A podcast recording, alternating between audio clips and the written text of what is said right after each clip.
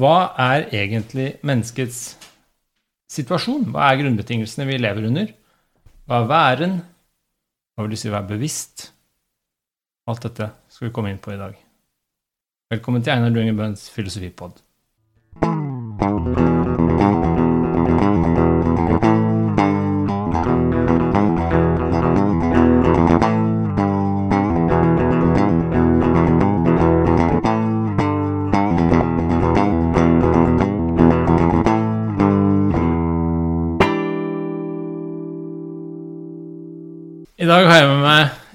legende, vil jeg si. Ser du på deg sjøl som en legende? Jeg må jo svare nei. Jeg har heller aldri fått spørsmålet før. Ok, nei, for I dag har vi med oss Arne Johan Vettelsen, professor i filosofi fra Universitetet i Oslo. Velkommen. Takk. Hvordan går det? Går det bra? Jeg klarte å finne frem. Det kom til og med på tida. Ja, du Så det ble ikke noe pinligheter på den måten. Men det har jo vært en lengre reise, Ja, ikke minst mentalt. Fra hvor? Eh, Ja, jeg har startet ut tidlig da i morges i Horten, hvor det var skuffende lite regnvær. Så det er jo det vi er opptatt av nå. Det er jo behovet for regn.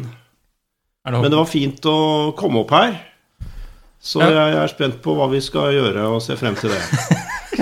Ja, for i dag så er vi hjemme hos meg, faktisk, på Kjelsås i Oslo. Du bor i Horten? Ja.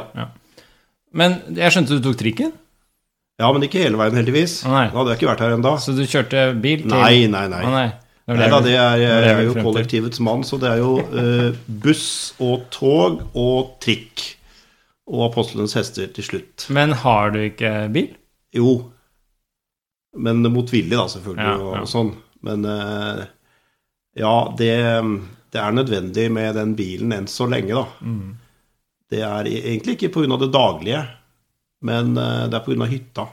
Ja. Ja. Jeg vil jo heller ikke ha en bedre kollektivforbindelse inn til den hytta. Nei, det er, Av gode grunner. det er paradokset. Ja. Du lager motorvei til hytta for å nyte Eh, naturen. nei, jeg er ikke så dum. Det er enkelte som er inne på den tanken, men jeg er ikke der. Men altså, du kjører kollektivt av miljøhensyn. Er det det vane. primært? Jeg er jo et vanemenneske. Ja. Uh, altså, jeg levde jo veldig lenge uten bil. ja. Og jeg bodde jo tidligere, ikke så fryktelig langt herfra, da, på Torshov. Så jeg har jo lagt igjen mye penger på 20-bussen opp gjennom årene. Så jeg har jo alltid kommet kollektivt til jobb, da. Mm. Selv etter jeg flytta ut av byen og ned i Vestfold. Jeg har aldri kjørt bil til jobb, så det, det er liksom helt fremmed for meg. ja. Og så er det jo fint at det er miljøvennlig sammenlignet med alternativene, at jeg reiser med, med buss og tog. Så det er jo bra på den måten.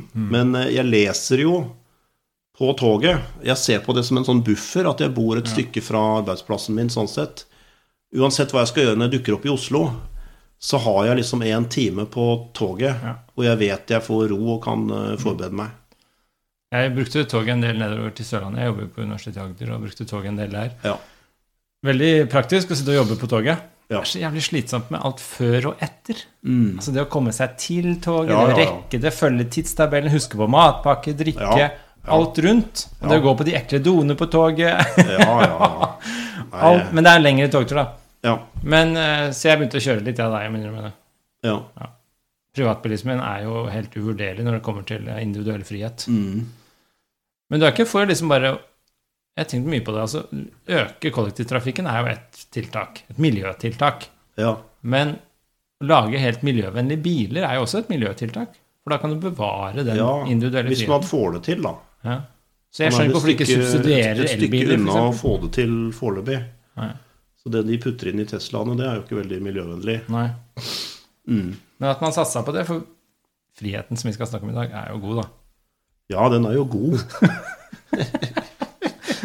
vi, vi begynner jo i det hjørnet at den er positiv og fin. Ja. Men det er jo mye å si om den også. Ja. Ja. Men eh, bare litt mer intro. altså du er jo Hvor lenge har du vært på Blindern? Hvor lenge har du jobba på UiO? Ja, bestandig. Altså, hva vil det si? Jeg, eh, jeg er jo student fra Blindern, da, med, med filosofi og og sosiologi og sosialantropologi. Eh, Jeg skulle opprinnelig bli statsviter, men jeg hadde ikke gode nok karakterer fra gymnaset til å komme inn på, på SV-fakultetet. Ja. Så jeg måtte ta til takke med å begynne med det nest beste, da. Som var humanistiske fag. Ja. Ja da, så jeg, Men jeg, jeg, fattet interesse for filosofi mens jeg var i militæret. Og da tok jeg forberedende som brevkurs. Eh, Det, det var mulig den gangen. Jeg begynte med Så vi, jeg, skal vi begynte med noe av det vi skal snakke om, da, men det var vel Kafka. Og så var det Camus. Ja. Og så var det vel Sartre da som kom inn i den rekka der, da. Og det er jo ofte at man hører om ja, kanskje unge menn, men sikkert ikke bare menn, som, som kommer borti denne type litteratur. Også Dostojevskij og Nietzsche, ikke sant. Så, sånn eh, eksistensiell, eksistensialistisk eh, Ja, eh, som talte til meg først det skjønnlitterære, da. Og så etter hvert det, det fagfilosofiske. Så jeg hadde en ganske sånn militant eksistensialistisk periode da jeg var sånn 1920, som eh, særlig var en belastning, tror jeg, for min, eh, min far, som var en konservativ ingeniør, maskiningeniør fra NTH, og han var ikke helt forberedt på denne tilnærmingen til ting, som plutselig kom inn i huset. Eh, Så Det er jo veldig sånn god Ja. standard fortelling da, inn i filosofien. Det er Ja, veldig mange ja, som begynner med sånn eksistensialistisk tenkning, og så får det litt sjokk når du begynner på faget og skjønner at det ikke bare handler om det. Men det, det som var spennende med at uh, jeg ble eksponert for dette, eller ble interessert i det, eller begge deler, akkurat det var i militæret Og da er man jo en ganske spesiell livssituasjon, med lite frihet, for å knytte an til det temaet. Så, så jeg tok jo dette frihetsbudskapet til Sartre, som vi skal snakke om her, uh, i en periode da, veldig sånn på alvor og, og på ordet.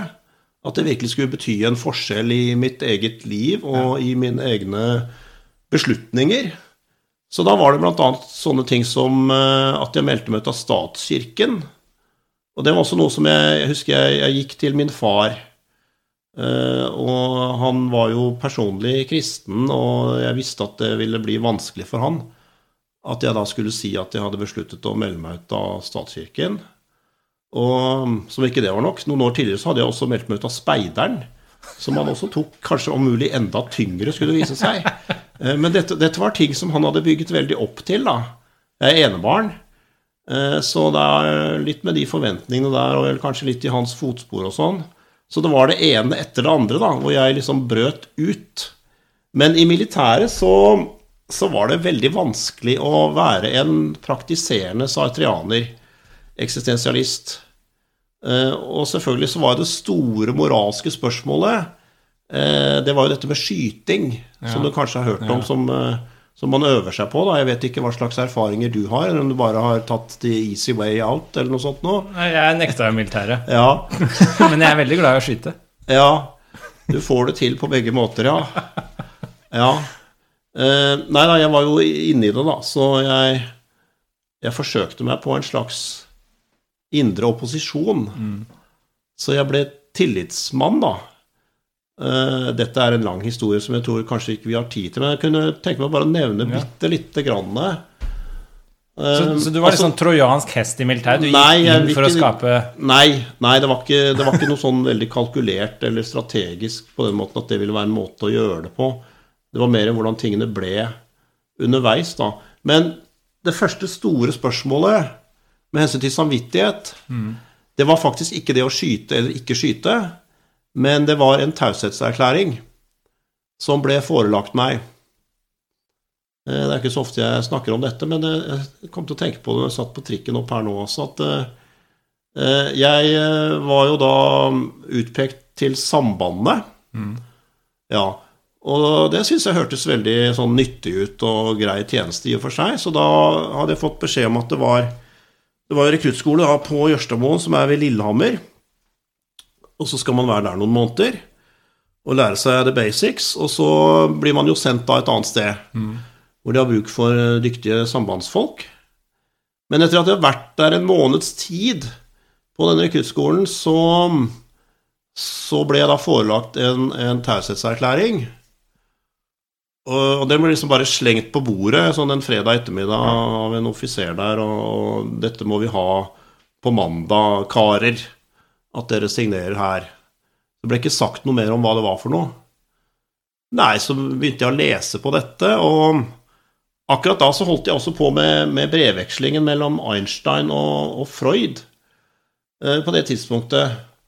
Eh, og jeg var opptatt av Einsteins uh, uttalelser i forbindelse med ikke sant, faren for atomkrig og hvordan han engasjerte seg i sin tid da, i det. ikke sant? Ja, Så jeg hadde akkurat lest sånne ting. Eh, jo, og så var jeg i tvil om eh, Jeg skulle skrive under dette, og jeg var også i tvil om ville det ha noen konsekvenser hvis jeg ikke skrev under. Og hva det egentlig var jeg godtok ved å skrive under. Mm. Ja, og så sa jeg det når han offiseren kom for å plukke opp dette papiret på mandag, at eh, jeg hadde ikke kunnet ta stilling til det. Jeg syntes det sto for lite og ville ha mer informasjon og sånn. Så jeg prøvde å spørre han litt nærmere, da. Eh, og da ble han veldig utålmodig, for å si det mildt. Uh, og så sa han hvis, hvis, du virkelig mener det at du, du, trenger å vite en masse mer, som, som, ingen andre her syns de trenger å vite, for de har jo skrevet under alt, uh, så får du heller gå til topps her, da. Ja, hva mener du med det? Nei, da får du gå til obersts bilde. Hvis det liksom skal være så vanskelig for deg. Fordi at uh, du er utpekt som ekspedisjonsmann etter den utdannelsen du har fått her. Og sånn og sånn. Og da må vi ha dette dette klarert, særlig da i forbindelse med, med Nato-øvelser, må du skrive under. Og sånn er det bare. Ja, oberst Bilde, sa jeg. Når, når, treffer jeg han? Nei, det får vi finne ut av. Sånn da. Så fikk jeg beskjed om at jeg kunne treffe denne obersten, som jeg jo aldri hadde sett, eh, dagen etter eller noe i den dur. Ja, så da, da, kom jeg der. Og da var jeg godt forberedt. Jeg hadde lest meg opp da på bl.a. Einstein. Og også dette med Nürnberg-domstolen. Eh, men jeg ante jo ikke hvordan dette ville forløpe, så jeg kommer inn der på dette oberstkontoret. Og så er han sånn veldig brysk, egentlig, helt fra starten av. Og tydelig sånn uvanlig forespørsel da, om å Ja. Nei, så Han lurte på hva i all verden jeg eh, skulle si, sikkert. da, så, så, sa jeg at nei, jeg ville gjerne høre litt nærmere hva det innebærer å skrive under, og for så vidt også kanskje ikke skrive under på denne taushetserklæringen. Mm. Nei, og så sa han da at uh, vel, det er jo i forbindelse med Nato-øvelser at du da må holde på konfidensielle opplysninger. Selvfølgelig. Du skal sitte i koet, altså headquarters, da. Og du har jo fått denne stillingen som ekspedisjonsmann pga. det vi har gått gjennom her, og visse prøver og sånn. Vi har skjønt at du er god i engelsk, og, det er relevant der òg. Så det er sånne ting. Så, så den stillingen er jo nå pekt ut for deg for resten av ditt løp her. Eh, ja, men så sa jeg det at eh, det kan jo ikke være sånn som det kom opp i, i Nürnberg, at en soldat kan jo ikke si at jeg bare fulgte ordre, og så er det godt nok å peke oppover i systemet. Det er jo nettopp det man da fant ut. Ikke holder, da. Så da må jo den enkelte soldat, også uansett hvilken stilling og funksjon, og selv om det da selvfølgelig er laverestående, kunne stå inne for uh, sine handlinger da, og ta ansvar for det. F.eks. det å få vite ja, hva, Jo, det er snakk om cosmic top secret, sa han da, et jeg aldri hadde hørt før.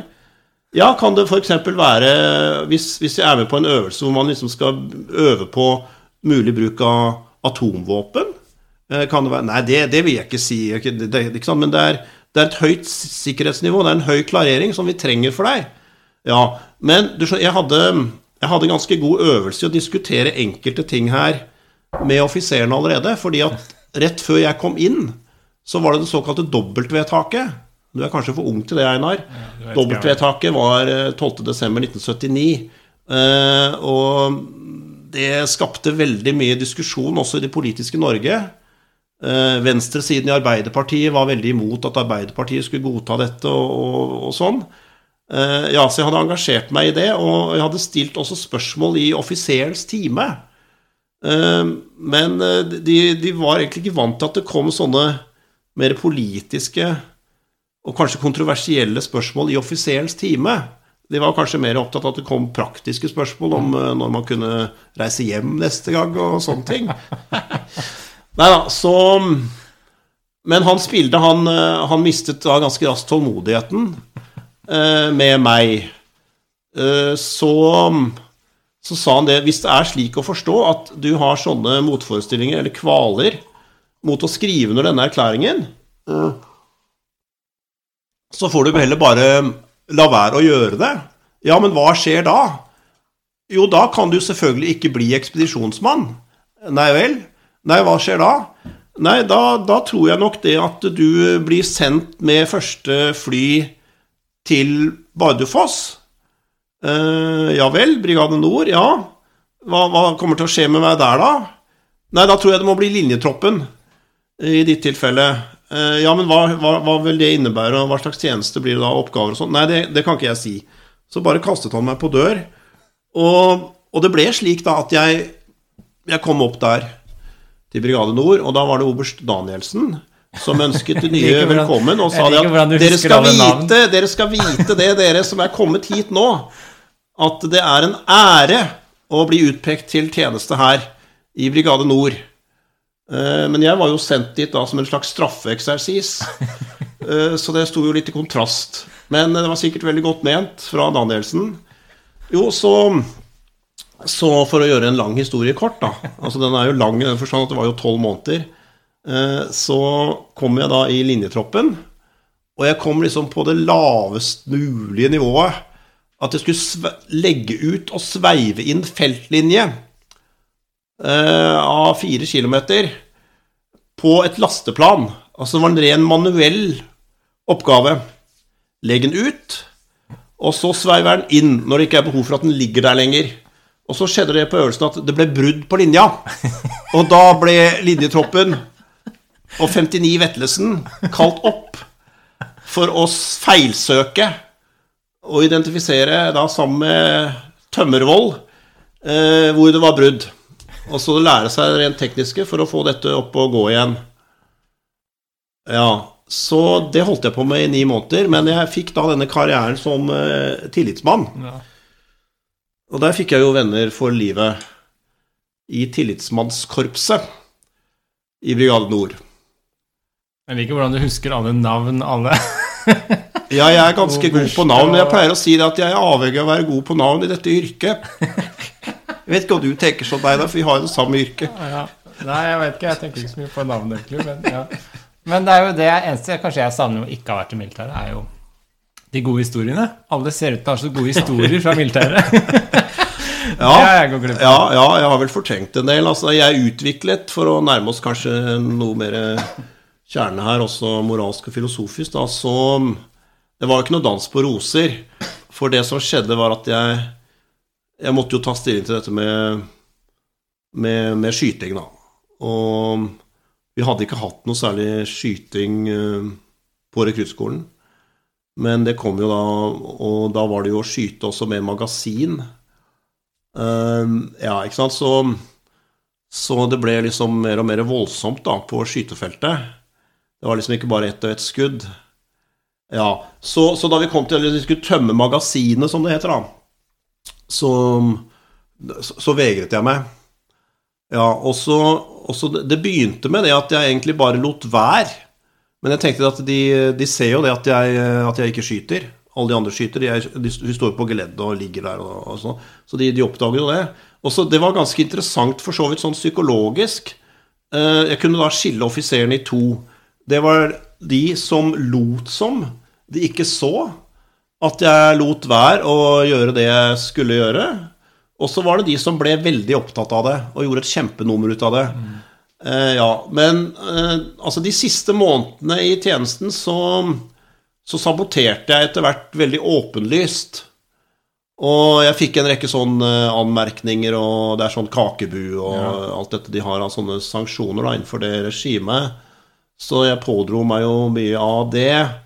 Men det var, det var også interessant fordi det var en som het Per Hansson Uh, han, uh, han, var sjef der Eller han var nestkommanderende, og han det var, det var, Altså, han var Han var oberstløytnant i den uh, leiren, av Heggelia. Og han skrev et innlegg i Dagbladet hvor han hadde ganske kritiske synspunkter på det omtalte dobbeltvedtaket. Og brøt liksom litt ut av rekkene, da, i så måte. Og han Han fikk jeg se helt tilfeldig. Jeg hadde ikke normalt noe tilgang til eh, øvre del av befalet der, jeg. Men, men jeg fikk se han tilfeldig da jeg hadde vakttjeneste. Og så tok jeg kontakt med han, da, og jo, det var jo han, og jo, han har skrevet det innlegget, og ja, følger du med på det, liksom? Og han ble interessert i at jeg fulgte med på de tingene, da. Så det husker jeg enda, at han, han tok meg sånn veldig på alvor. Jeg, jeg var på vakt, men uh, vi liksom ble stående der en halvtime eller noe. Det, det gjorde inntrykk på meg. Han var liksom høyt opp, men han hadde også en sånn autonom stemme da, mm. så, som jeg hadde veldig sans for. Så det var jo Det var jo sammensatt også bilde av offiserene, akkurat som selvfølgelig det var av medsoldatene. Men det er jo litt sånn, du får meg til å tenke på Kant sin artikkel 'Hva er opplysning?' Altså, ja, han sier ja. du må jo være marerittet for uh, militæret, som liksom lavere ned i hierarkiet begynner å stille spørsmål, ja. samvittighetsspørsmål. Ja. Uh, Kant er veldig opptatt av at du kan, sånn som han du nevnte, skrive det i en offentlig artikkel ja, og stille spørsmål. Men når du er liksom i, i, uh, i, in action, så skal du ikke begynne å stille spørsmål, for da blir det kollaps og kaos. Ja, ja. Ja. ja da, men det, Kant er jo opptatt av den offentlige bruk av fornuften. Og jeg hadde jo håpet da, i forbindelse med offiserens time, at det kunne være et sånt forum hvor jeg fikk med meg andre. Men det feilet jo, da. uh, at andre også kunne ha de samme spørsmålene eller følge opp. Eller altså, Men du endte opp med å ikke nekte? Du nekta ikke til slutt? Du fullførte? Jo, jeg, jeg nekta ikke i løpet av de tolv månedene. Men jeg gjorde det egentlig veldig klart overfor uh, kaptein og troppsfører og de som hadde med meg å gjøre, at jeg, uh, jeg skjøt ikke. Og det var en slags stilltiende aksept for det. Det hadde også å gjøre med at det var ikke veldig avgjørende i min funksjon som linjemann at jeg skulle delta i, i, skyting. Det var en del av, en del av øvelsene. Det var en ting vi trente på og sånn. Men det var ikke min hovedfunksjon. Det, det, gikk på det med den uh, feltlinja. Så, sånn sett så betydde det ikke så veldig mye, kan du si. Altså, de så litt gjennom, gjennom fingrene. Det var en slags en form for aksept av at han der fyren der, han, han kommer vi ikke noen vei med, og vi får bare, han har noen måneder igjen og sånn, og så ferdig med det, liksom. Ja, for den gang var det jo uh, plikt å være militær. Det er ikke noe som Ja, ja. ja. altså jeg, jeg, hadde jo det selvfølgelig før jeg gikk inn der, at jeg kunne nekte av samvittighetsgrunner, som du antyder, Einar. Og jeg hadde jo en del kamerater mm. som gjorde det, da. De var liksom bare militærnektere, prinsipielt. Mm. Ferdig med det. Og da var det for dem en enkel sak. Eh, men jeg visste det at hvis jeg, hvis jeg, skulle få det der spørsmålet om hva ville du gjøre, det var det siste spørsmålet de stilte. Da var en fast prosedyre. Så man hørte jo med kamerater som hadde vært der inne, ikke sant? hvordan det var. Det siste spørsmålet er hvis, eh, hvis, du var i en trengt situasjon, og det var kona di eller barna dine eller noe som var utsatt av en med våpen, og du hadde en mulighet for å hindre med et eget våpen, ville du benytte dem? Ja, og da skulle man svare nei, da, for å bevise at man var helt prinsipiell pasifist. Ja. Eh, og sånn sett kunne få godkjent og slippe militærtjeneste på det grunnlaget. Men hvis jeg skulle være ærlig, så kunne jeg jo ikke svare at jeg ikke ville benytte det. Ja, det, men det, det var jo så kunstig, hele den intervjusituasjonen òg. Men, jeg, jeg men da jeg var ferdig med førstegangstjenesten og ble innkalt på rep, så, så, jeg, så fikk jeg et sånt intervju som gjorde at jeg ble overført til Sivilforsvaret. Så jeg ble jo det da. Mm. Men det var vel å merke etter at jeg hadde gått gjennom de tolv månedene, da. Så du er egentlig ikke passivist? Nei.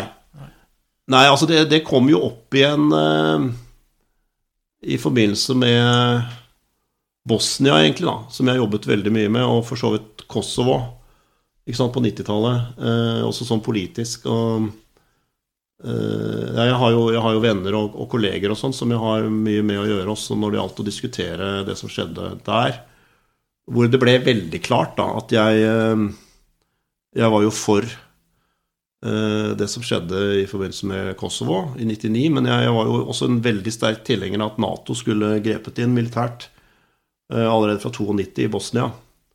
Så i den uh, saken der så var jeg helt klar mm. en som var for ikke bare humanitær intervensjon, men også da militær, hvis nødvendig. Mm. Ja. Det er veldig rart, denne intervjusituasjonen, for jeg nekta jo også militæret. Det ville jeg ikke gjort i dag, tror jeg. da. Det var bare litt sånn tenåringsopposisjon den ja. gang. Skulle ja. ikke gjøre det du blir fortalt, greia. Ja. Men det er jo veldig stor forskjell på å være for et, et tvangsinnkalling i militæret, f.eks. på den ene siden, og det å ville du løfta et våpen hvis noen trua familien din. Selvfølgelig Kan du gjøre det ene uten noen andre? Ja, det har ikke noe med hverandre å gjøre. Nei, så det er veldig rar sånn greie, det der. Ja. Ja. Men jeg nekta jo også, og så ringte politiet, og det var intervju og greier. Ja. Men jeg sa jo jeg ville brukt det på nærmeste jeg også, husker jeg. Var Men dette på slutten av 90-tallet eller noe sånt? da? Dette var vel, ja, helt på tampen Ja. av 90-tallet. Ja. Og da sa de jeg hadde fått utsettelse et, et år, eller jeg, jeg husker ikke hvorfor, men jeg fikk utsettelse et år, og så ble jeg på nytt kalt inn, og så bare glemte de det. Jeg Ja. hørte ikke noe mer. Jeg, jeg tror ikke jeg fikk Jeg nekta, men jeg fikk ikke tillatelse til å nekte. Nei. Og så ble jeg utsatt et år, så fikk jeg innkalling, så nekta jeg en gang til, og så hørte jeg ikke noe mer. Og så da jeg var 27, Ja, så fikk jeg et brev hvor det sto at jeg var for gammel. ja. At jeg slapp. Så de hadde Ja. liksom bare Jeg tror det var da omtrent de renska opp i rekken Ja, og sa at er nå er det ikke tvang lenger. Og, Nei. så jeg, jeg har aldri vært i militæret. Men jeg er jo ikke pasifist i det hele tatt. Nei. Nei, du har aldri vært det. Egentlig ikke. Nei. Men jeg er veldig glad i frihet, så jeg får veldig sånn aversjon når noen sier hva jeg skal gjøre. Ja. Hvis du ba meg nå gå og gjøre noe, så hadde jeg hatt Ja, ja, veldig store problemer. Det kan dukke opp dette med, med kaffe da senere, men eh, ikke ta det med en gang. Jeg kan Så- be deg om det. ja. Nei, Men, men det, det, det, det kjenner jeg meg veldig igjen i, Einar. Altså Uavhengig av akkurat det med skyting og liksom hva det gjelder. da uh, Altså det å bli fortalt hva jeg skal gjøre fordi at noen er i en posisjon til å gjøre det, overordnet, underordnet, det, det er jeg veldig imot. altså Ja. det, det, det liksom stritter helt imot der. Ja. Det er sånn grunnreaksjon. Det er bare sånn gut reaction. Altså, Ja. Bare jeg fikk lekser på skolen, så var jeg sånn ah. Ja. Og så gikk jeg og gjorde noe annet. Men når jeg ikke fikk lekser, da kunne jeg gjøre de leksene. Ja. Så det er veldig barnslig. jeg meg inn i det. Det er veldig sånn. og den er jo ganske interessant, egentlig. For det er litt sånn Det er ikke det at du ikke kan gjøre det de sier, men jeg skal ikke gjøre det fordi de sier det. Jeg skal omfavne det selv. Da Ja. kan jeg gjøre det. Ja. Så hvis mora mi sier noe, så tenker jeg sånn Nei, det gjør jeg ikke. Og så går det et par dager, så tenker jeg det var jo riktig det hun sa. Men da gjør jeg det. så eh, det er mer den der å omfavne det, tror jeg, som er greia. ja, ja. Men det skal vi jo snakke om i dag, for nå kan vi jo begynne litt. Eh, Jeg vil bare si Det som jeg syns er litt kult, da. Takk for at du kommer i det hele tatt. Det som jeg syns er litt kult med, med deg, da Jeg kjenner jo ikke deg veldig godt, vi har ikke snakka ordentlig før sammen, tror jeg. Eh, Men eh, det som er veldig kult, er at det du illustrerte nå også, at du har ikke et klart skille mellom lære og liv. Har du fått inntrykk av det? Og det liker jeg veldig godt. Altså, ja, ja. ja. Jeg er veldig fascinert av disse filosofene som nettopp ikke har det. Sånn som. Nietzsche, Ja. sånn som Kirkegård. ja. hvor liv og lære blander seg fort sammen. Mm. Eh, det syns jeg er veldig interessant. I forhold til f.eks. andre som jeg har inntrykk av er veldig tilfeldig i fagfilosofien i dag. da, At det er Ja. mye teorier, og så har det Ja. ingenting med liv å gjøre. Ja. Har, har, du tenkt, har, har du noen kolleger som liksom er sånn at de tenker på det med filosofi som en type jobb åtte til fire? Ja, jeg kjenner noen sånne. Ja, nei, det er helt fullstendig fremfor for meg, altså. At det går. Ja. Nei, det var en som, som spurte en gang, liksom Det er mange år siden nå. uh, kan ikke vi to ta fri fra jobben en gang, og så får vi gjort et eller annet sånn og sånn? Ja. Altså, det tenker jeg, ta fri fra jobben liksom, Hva mener du med det? Har du streika noen gang?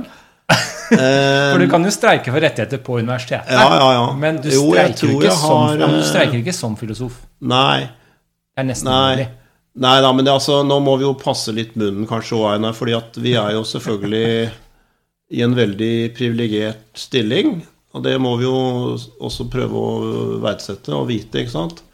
Vi er jo, vi er jo statsansatte, Ja, og vi har eh, som et av mange goder en veldig fleksibel arbeidstid. ja. Du sitter jo her nå midt på blanke formiddagen en tirsdag. Men du opererer jo formelt med at du er ansatt ved Universitetet i Agder. Som jo er ganske mi, mange mil herfra. Og sånne ting. Nei, men sånn, sånn vet man jo at, at det er. da Altså det, er, det er mulig med den type jobb vi har. Ja. Vi behøver ikke være fysisk på den arbeidsplassen uh, veldig mye. Så det er, det er kanskje mer enn en et sånt spørsmål vis-à-vis arbeidsgiver. Så tror jeg det er et spørsmål vis-à-vis familien. Ja. Uh, altså kona og barn, som jo vi har begge to, ikke sant? Med, med hvordan man jobber, da, ikke minst hvor mye man jobber. For uh, vi er vel rimelig interessert i fagene våre her, begge to. Så ja, altså det, det jeg ville frem til, var jo ikke at ikke streiker av jobbhensyn, sånn rettigheter på jobben og sånn. Det, det er stor solidaritet. Men jeg tenkte sånn ja, ja. livskallet som filosof. Ja. Du legger ikke ned pennen. Altså, Nei. De gangene det har vært streik på universitetet, så har jeg tenkt liksom, jeg må være helt ærlig, da har jeg tenkt sånn Nå får jeg tid til å skrive den Ja, ja, ja. ja. Nei, det skulle være vanskelig å bli lojal, lojal overfor, overfor noe sånt, ja. Så mitt Ja, ja. kallet er først og fremst til faget filosofi, og så til arbeidsplassen, skjønner du. ja. Det er litt sånn, altså Hvis arbeidsplassen hadde sparka meg, så hadde jeg fortsatt vært filosof. Ja. Og det er litt sånn interessant Ja. skille, da. Ja. Altså, jeg har ikke noe lojalitet til universitetet. Hvis universitetet begynner å ødelegge filosofien, så Ja. står jeg opp, liksom. ja da. Så lojaliteten er Ja. jo til kallet og filosofien først. Ja. Er det ikke sånn det? Kallet er jo et gammeldags ord, men, eh, Ja, men det stemmer jo men så godt. eh, altså, jeg har jo kolleger altså, da, ja, ja, som, er, som er leger eller sykepleiere, da. Eller kanskje prest, selvfølgelig. Men jo, jeg, jeg Hvis det ikke høres veldig sånn pompøst eller selvhøytidelig ut, da, at, eh, at det kanskje ikke, ikke hadde vært mulig å bli noe annet. Men det vet For meg så har det med å skrive Altså apropos liksom å ytre seg, da. Ja, det å skrive har vært helt klart bestemmende for meg fra veldig tidlig av. Uten at jeg da visste akkurat hva det ville innebære sånn med hensyn til utdanning og fag. Men at det skulle være noe som ga meg mulighet til å skrive og uttrykke meg på den måten, det, det har alltid vært klart for meg. Det er jeg enig i. Jeg er så like godt å skrive. Du skriver mye på norsk også. Ja. Både engelsk og norsk. Ja. Det er også veldig kult, syns jeg. da. Jeg har også begynt med det, litt sånn etter idealene fra deg og andre. At man skriver på begge språka, og at morsmålet også er med å utvikles. Ja. Eh, også faglig. Ja. Og jeg tror også jo eldre jeg blir, så merker jeg mer og mer at det å skrive på engelsk Altså Jeg har jo tatt doktorgraden min i USA. Ja. Bodde seks år i USA. Ja. Og ganske god i engelsk, Ja. sånn i all min beskjedenhet. Ja. Men jeg er jo ikke så god i engelsk som jeg er i norsk. Morsmålet. Det handler om assosiasjoner, det handler Ja. om hva du forbinder med begrepet, nyanser, sarkasme, ironi, en del Ja. sånne ting som Ja. ikke er så god i engelsk. Jeg er jo litt mer sånn mekanisk opplært i et akademisk engelsk. ja. Og da tenker jeg sånn Hvis jeg skal gjøre ordentlig filosofi, så må jeg jo også bruke morsmålet, for det er mye nærmere ja. meg, da. Ja. ja, det er mye å si om det med språk, da, fordi jeg tok jo utdannelsen på høyere nivå i Tyskland. Så da var det jo tysk som gjaldt eh, fem år for min del. Eh, Jeg måtte ta stilling til faktisk om jeg skulle doktorere, da. Gå, og stille meg frem for doktorgraden i Tyskland eller ikke. Eh, Så jeg skrev jo mye på tysk en periode. Så det er liksom norsk, engelsk, tysk, ja. Og da Men det, det ble ikke noe av, fordi jeg måtte da vise seg ta en språkprøve i enten latin eller gresk Ja. Eh, for å fremstille meg, og det hadde jeg ikke noen forutsetninger for noen av delene.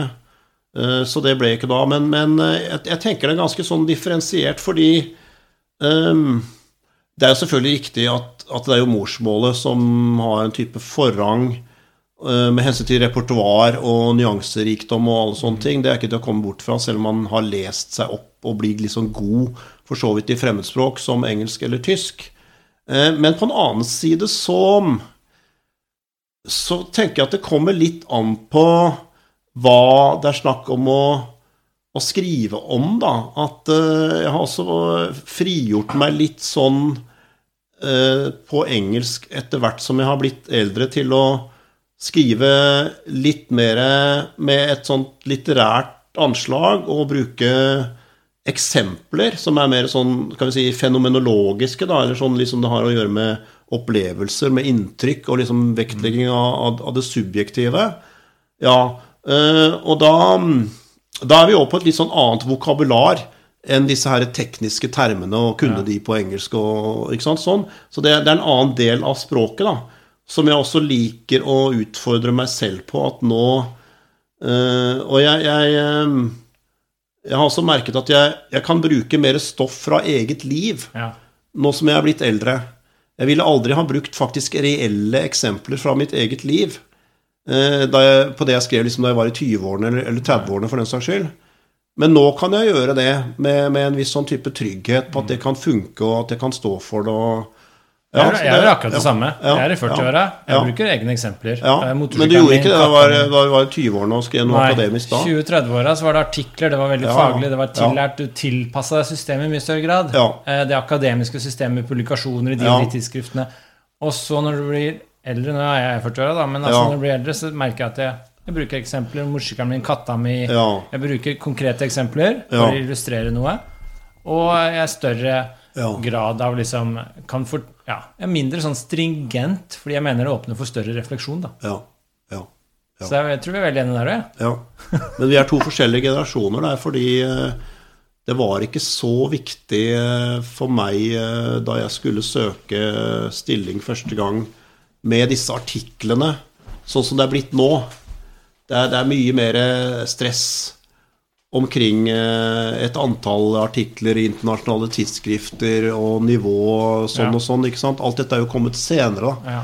Så jeg har for så vidt sluppet akkurat veldig fokus på, på det. da. Ja. Og det syns jeg er en ganske viktig eh, ting, fordi jeg opplever jo at eh, det er det er bra at du, Einar, er en som er i radioen og er rundt omkring i den større offentligheten som filosof. Kjempebra. Men eh, det er jo mange også som er på din alder, og kanskje også da yngre, altså neste generasjon igjen. Eh, Ikke sant? Hvis vi begge begynner å bli så gamle at, det gir mening å snakke om neste generasjon. Da. Og de er jo veldig sånn Ja, jeg skulle gjerne ha skrevet en kronikk i avisen, eh, og sånn og sånn, men jeg har ikke tid. Eh, Jeg har ikke fast stilling enda. Jeg, jeg må få ferdig den artikkelen som er ment for det tidsskriftet. Så, og så vet du det at de, de tidsskriftene har kanskje, veldig brutalt sagt, noen av dem, de har seks lesere i gjennomsnitt. Det er veldig brutalt å si det, da. Eh, Men, men allikevel så gir de da den prestisjen, fordi at det er de og de tidsskriftene sånn og sånn. Så da syns de at de må prioritere det. Men det er jo et tap for den større offentligheten at det blir sånn. Ja, jeg er helt enig. Og det er jo veldig, Jeg kjenner mange av de som driver med doktorgrad nå, rett etter doktorgrad, som kjemper for jobber. De er jo, Det er kun én ting du tenker på, og det er å få inn flest mulig artikler på høyest mulig nivå i tidsskrifter. Ja. Det er liksom altoppslukende. Ja. Eh, Og det er ganske stressende sånn psykologisk for dem, selvfølgelig, men Ja. det er også litt sånn synd, fordi det blir så mye det blir spørsmål om kvantitet fremfor Mm, kvalitet. mm, altså de, mm. de skal ha, Det er bedre med ti middelmådige artikler enn én god. Ja. Eh, og så er spørsmålet jeg lurer på, er liksom, objektivt sett, da, hva er egentlig best? Ikke sant? Ti Ja. middelmådige artikler eller én god? ja. Jeg er i tvil, altså. Og i hvert fall hvis det gjelder liksom sånn Hva er filosofiens verdi, egentlig? Ja. Altså Når du formidler, når du gjør litt begge deler, Ja. er ikke det alltid alt bare mer verdt enn om du sitter med liksom en håndfull artikler i topptidsskrifter som seks stykker leser?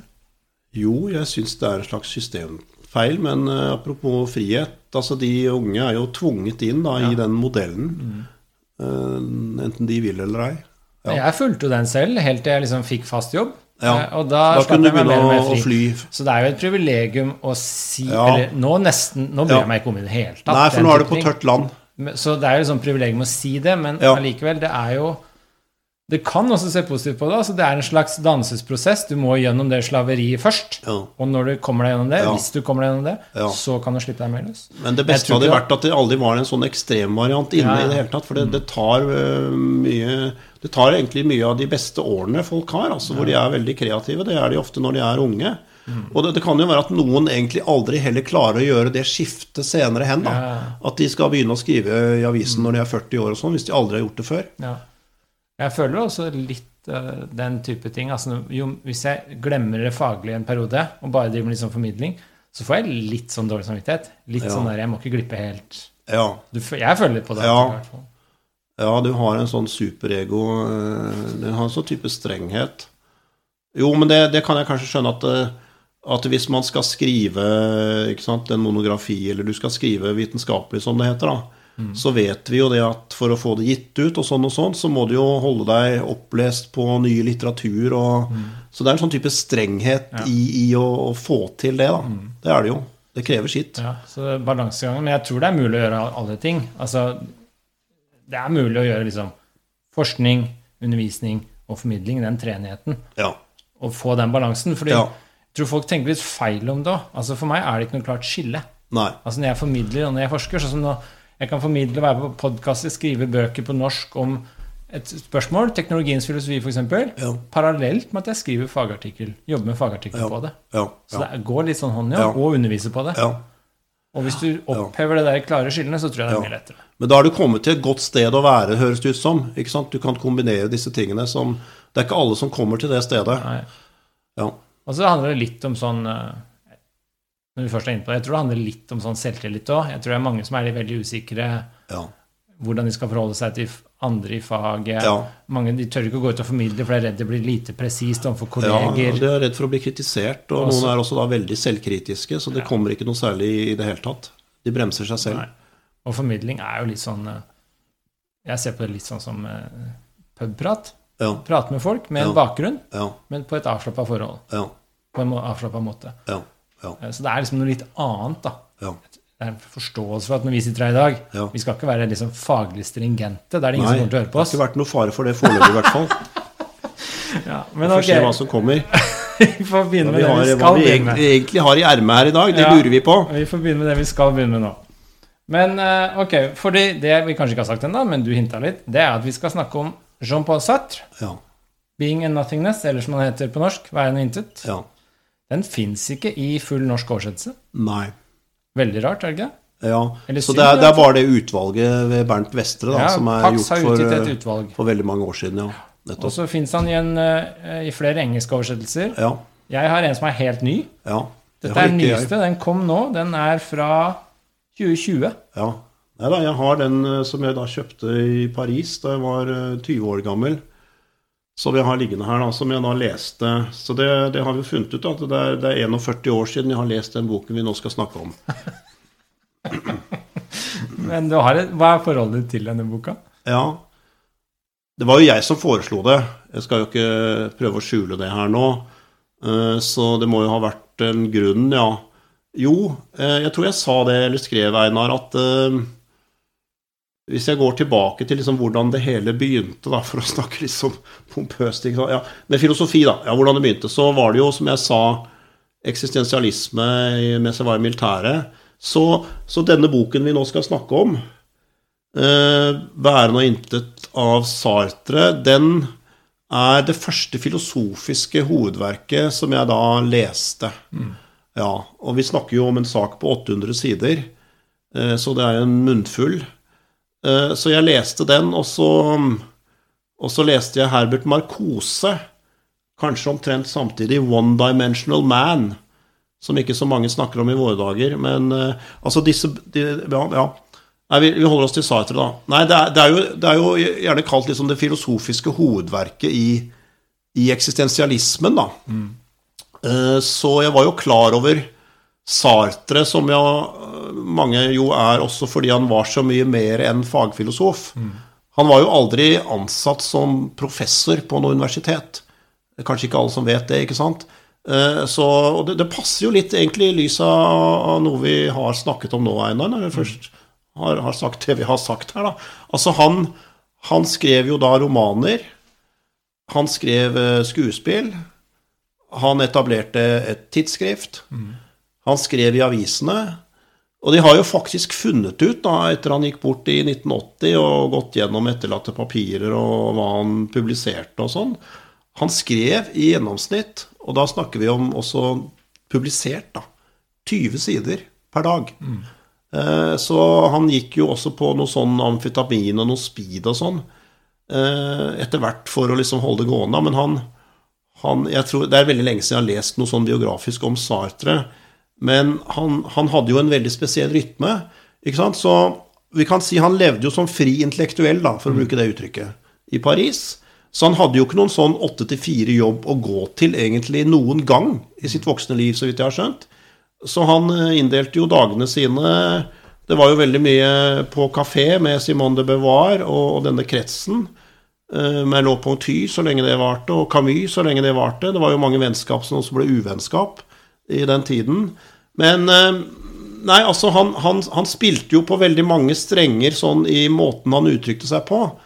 Eh, og noe av det som jeg har likt med denne Væren og intet-boken, som jo er fagfilosofisk så det holder, da, med, med referanser til Descartes og Hegel og Hussel og Heidegger og hvem det nå er.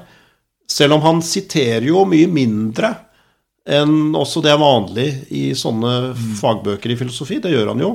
Men han har også her en rekke eksempler, og det er særlig en gjennomgangsfigur, da, Pierre, eh, som er så slående beskrevet at man nesten heller ikke trenger å ha skjønt liksom, det rent faglige eller den terminologien han bruker der, som er ganske vanskelig.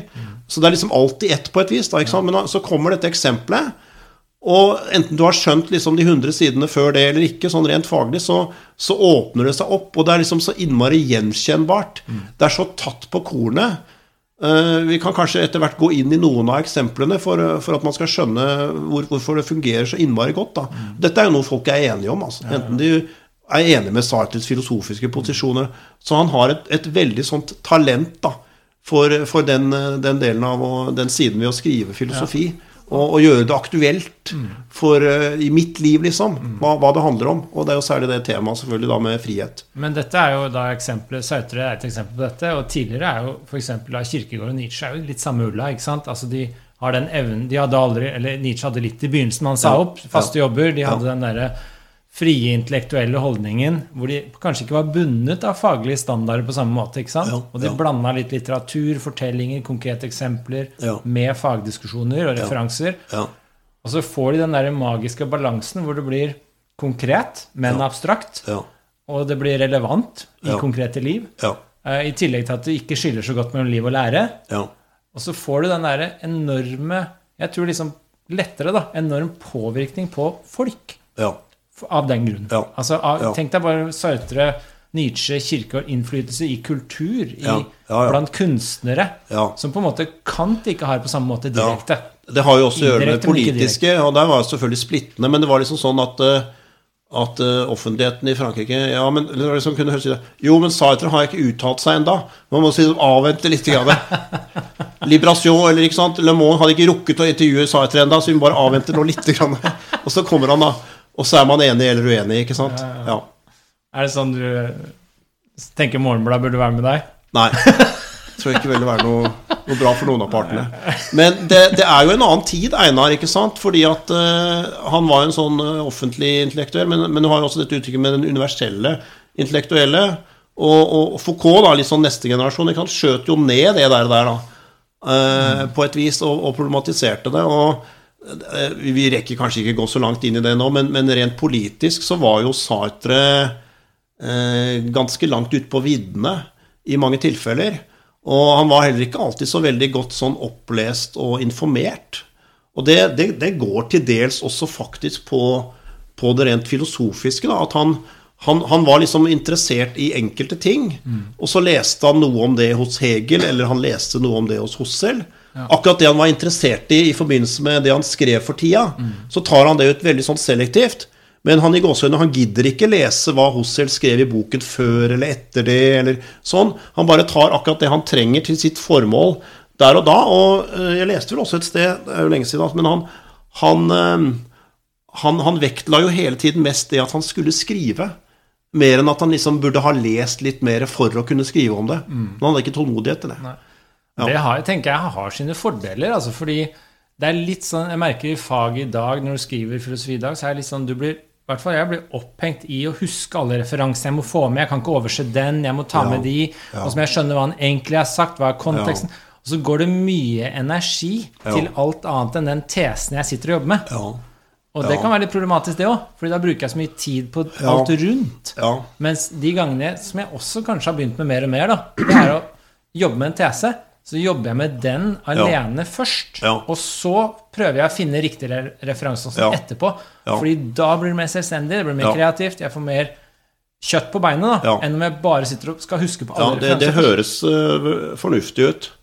Det er nesten litt sånn Zeno-paradoks. Ja. Sånn du må ta en halvmeter før du tar meter. Ja, men det, man kan tenke det at uh, altså når man har gjort unna svenneprøvene, da hvor man liksom må vise at man har lest alt man liksom bør ha lest for å kunne skrive det man skriver og mene det man mener. Ja. Når man er ferdig med de svenneprøvene og de pliktløpene der, så, så er man mer fri. Ja. Og så kan man jo selvfølgelig få en dårlig fagfellevurdering, da, ja. fordi at man har jo glemt i gåseøynene å, å, lese noe man burde ha lest og alt det der. Det risikerer man jo. Men jeg tenker for, for kreativiteten, og, og, for til og med kanskje å, å, å kunne si noe, noe, eget eller noe nytt på et vis, da, så, så, så høres det veldig fornuftig ut. og og på en måte frigjøre seg fra, fra, det der rent pliktmessige. Men det er jo også et privilegium du kan gjøre når du har fått fast jobb. Da. Ja, og det, det, er litt det når du nå er på tørt land, ja, ja. så, så kan du, tenke, gjøre det. Kunne du tenke deg å være sånn friintellektuell? Bare sitte på kafé og gå i skogen og skrive dine egne Zapfe var litt sånn. Ja. Han var også timelærer, men aldri sånn ja, fast ansatt. Men jeg, jeg, jeg lengter ikke egentlig etter en tilværelse hvor jeg ikke har noe av de pliktene jeg nå har med den jobben jeg nå en gang har ved universitetet. Mm. Jeg, jeg, tror jeg liker omtrent alle de ulike rollene, unntatt ja. de jeg heller aldri har blitt tiltrodd. da. F.eks. å være bestyrer og sånn. Ja. Så hvis, hvis man er litt sånn aktiv og kritisk og sånn løs kanon på dekk-aktig, så sørger man for at man blir aldri spurt om å bli bestyrer. For da, de, altså, de har ikke noe kontroll på han fyren der, eller hva skjer da, og sånn. Så det, det blir jo helt feil. Men da, da slipper man det. Eh, Men, men jeg liker jo f.eks. veiledning Ja. veldig godt. Men Du har veileda mye. Ja, veldig mye. Ja. Men det- jeg er føler derfor- alle jeg snakker med, har hatt deg som veileder. Ja, nesten alle. Eh, det jeg har veiledet, og de, det er interessant med hvor disse veiledede folkene ender opp, da. Ja. Eh, Det kan jo være overalt. Men det er jo sånn ting med, med folk som studerer filosofi, for det er vel sånn realistisk sett ikke flesteparten som tenker at de skal ende opp med en fast Nei. vitenskapelig stilling. Så de er realistiske nok til å tenke at de kommer til å ende opp et helt annet sted, og ingen vet hvor. Eh, Så nei da, men jeg liker veiledning, jeg liker undervisning. Eh, Jeg vet ikke om jeg skal utdype dette så mye nå, men eh, forberedende har jeg Der, der har jeg et litt mer sånn problematisk. Ja, Men jeg har egentlig hatt ganske lite undervisning på X-Fill, da. Men det er en litt sånn annen greie, vi bør ikke ta det nå. Men, men i det store og det hele så liker jeg jo også å undervise på ulike nivåer. Og jeg liker jo Altså, forrige uke så var jeg jo på Folkeakademiet på Bryne. Og så neste uke så skal jeg snakke for pensjonister i Larvik. Og så er det besteforeldreaksjonen på, på Røyken og sånn. Altså, jeg, jeg tar oppdrag eh, Og det er veldig mye pensjonister eller sånn, altså, og ideelle organisasjoner. Eh, og, og jeg har jo også vært en del på skoler. Altså Jeg liker det at det er veldig sånn forskjellig fra gang til gang. Det kan i og for seg være samme tema, men nettopp da, ikke sant? Er det, er det niendeklassinger nå, eller er det pensjonister? Er det, er det akademia, eller ikke sant? Sånn, og det at det er så forskjellig publikum. Altså Du kan ikke børste støv av det samme manuskriptet. Jeg har ikke det, da, ikke? Men, men du skjønner hva jeg mener? ikke sant? Så det, og, og ofte så kan jo også de beste spørsmålene komme fra, fra de som er litt sånn forutsetningsløse. Da, ikke sant? Fordi at studentene de, eh, de vil liksom ikke dumme seg ut i gåseøynene. da. Så der, eh, der kommer ikke de der spørsmålene sånn liksom uventet fra sidelinjen. Men de kan komme fra en niendeklassing eller en pensjonist. Ja, så da, så da lærer jeg også noe av det. At denne gangen så snakket jeg for et annet publikum enn jeg har vært vant til, og da lærte jeg det. Ja. Jeg er helt enig. ja. Det er samme, jeg skrev en bok om meninga med livet, og den var jo produsert egentlig som et resultat av nettopp det her. Jeg holdt foredrag ute blant folk i alle aldersgrupper, alle bakgrunner, også faglig på universitetet. Og Så ble det en bok til slutt, og mange av de oppklarende spørsmålene Jeg skjønte liksom ah, jeg må gjøre sånn. Det kommer fra helt vanlige folk. Ja, ja, ja. Og Ja. anmeldelser etterpå Ja. er også veldig interessant. For Ja. akademikere og de som er veldig sånn inni Har lest mye, da. Ja. De er veldig opphengt i ismer. Ja. Så de skal plassere Ja, ja, det i en kategori, og de Ja. klarer ikke å lese boka som det den sier. De, Ja. de er automatisk plassert i ismer. Ja. Vanlige folk som ikke har all den tunge bakgrunnen, Ja. De leser boka og tar Ja. det som sies bokstavelig, og leser Ja. den egentlig mye bedre. Ja, altså Arne Næss øh, ble jo sitert på det at de mest interessante samtalepartnerne var 15-16-åringer. Det mente han. Ja. Nei, det er interessant akkurat det der. Men ok, Ja. tilbake til Sautrøm. Ja, Vi Jeg tenkte jeg skulle kort bare si hva boka handler om, og så kan vi ta noen ja nå er jeg spent på hva du skal si. For jeg satt her i dag tidlig og tenkte hva handler denne boka egentlig om? Tittelen er jo 'Væren og intet'. Og det jeg tenkte på først og fremst, er jo at den handler jo egentlig om alt og ingenting. Bokstavelig talt. Ja, For den handler jo om væren, hva det vil si å være, Ja. og spesielt hva det vil si for oss å være. ja, Uh, og den handler jo også om Så sånn sett handler den om alt ja. som har væren, for det er ingenting som ikke har det. ja. Men så handler den også om intet. Han er veldig opptatt av dette ingenting, som, og det rollen ingenting spiller. ja, Altså det at det faktisk er fravær av noe.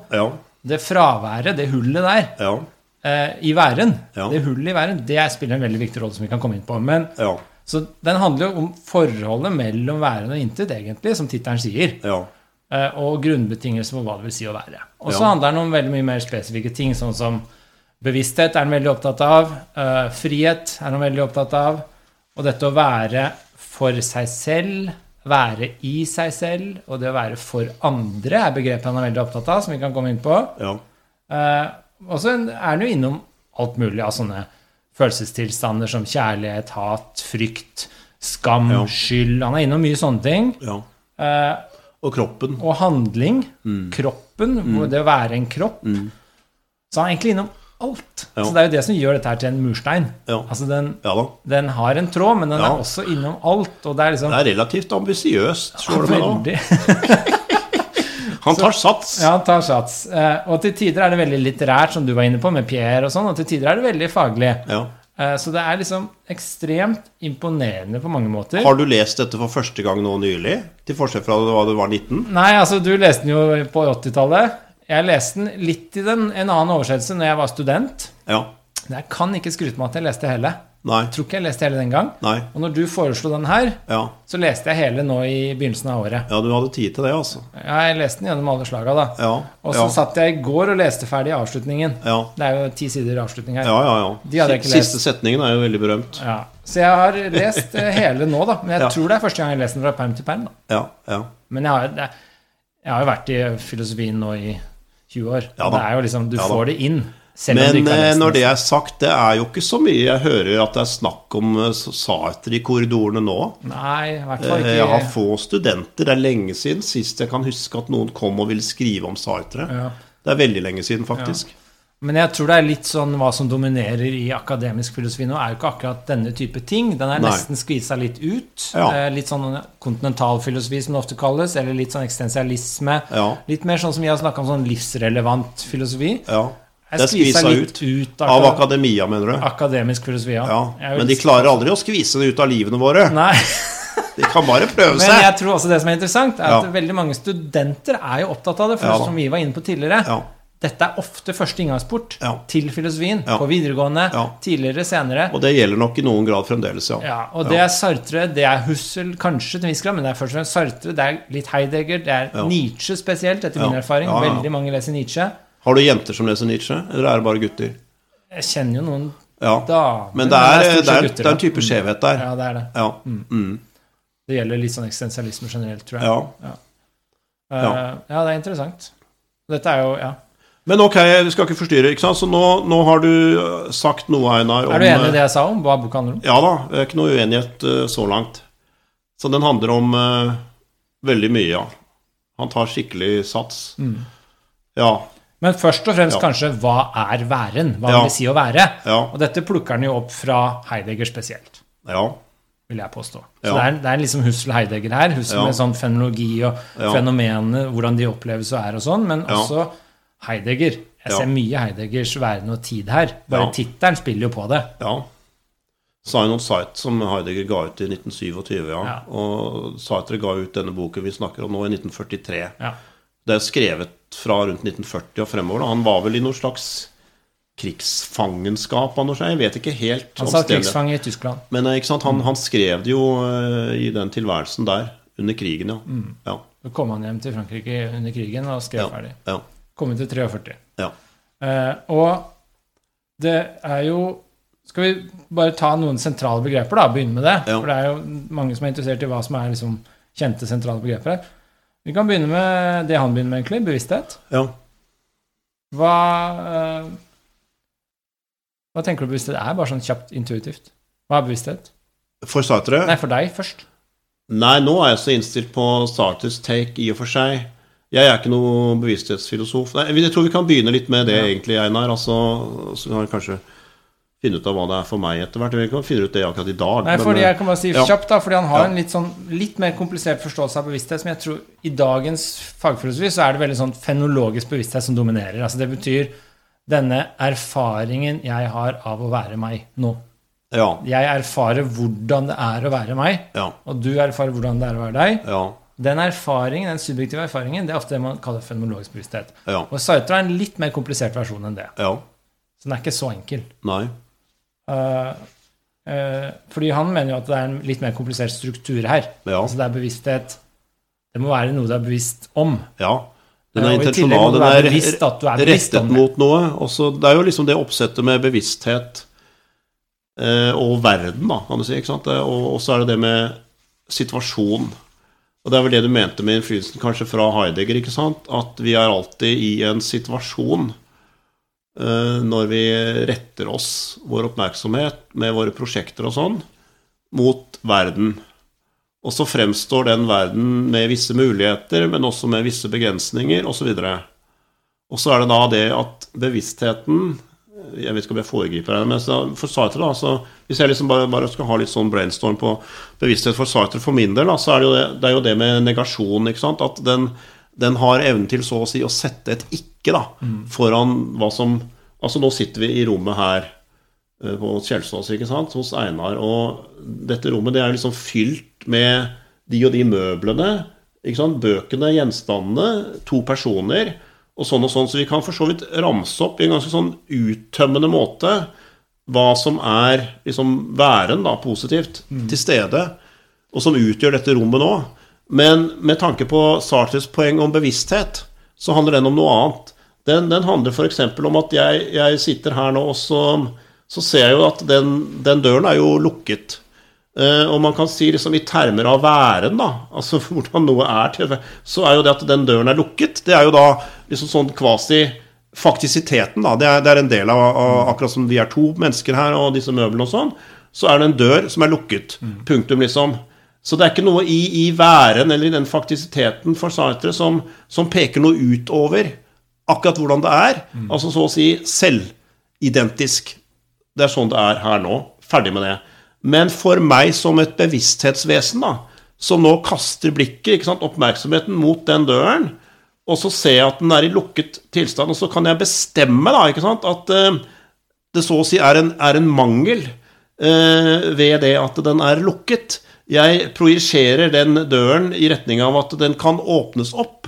F.eks. For fordi at uh, jeg syns det begynner å bli for varmt. Eller det er et eller annet sånt noe som, som liksom gjør at jeg, jeg ser mot døren, og så ser jeg muligheter for å overskride da, med Sartre. ikke sant? Den faktiske tilstanden er at døren er lukket, og det er liksom greit i seg selv. Men jeg ser muligheten for å intervenere da, i den faktisiteten der.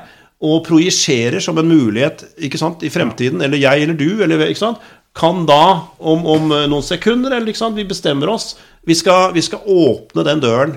Og det å liksom sette det målet at døren går fra å være lukket til å være åpen, det har å gjøre med negativitet. Det er liksom å bestemme en mulig tilstand her, som nå ikke er her, men som bare bevissthet så å si kan, kan skape, da.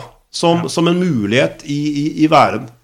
Ja. Og det er en overskridelse, som man kaller det. Ja, og det er jo det Dette intet er jo på en måte disse hullene som vi kan se i væren. Vi kan se Ja. liksom at, jeg kan se at du sitter her nå, men jeg kan også se at eh, du ikke satt der. Ja. Uh, og det, in, det spillet mellom det positive at du er der, og det negative at du, du kunne ikke vært der, Ja.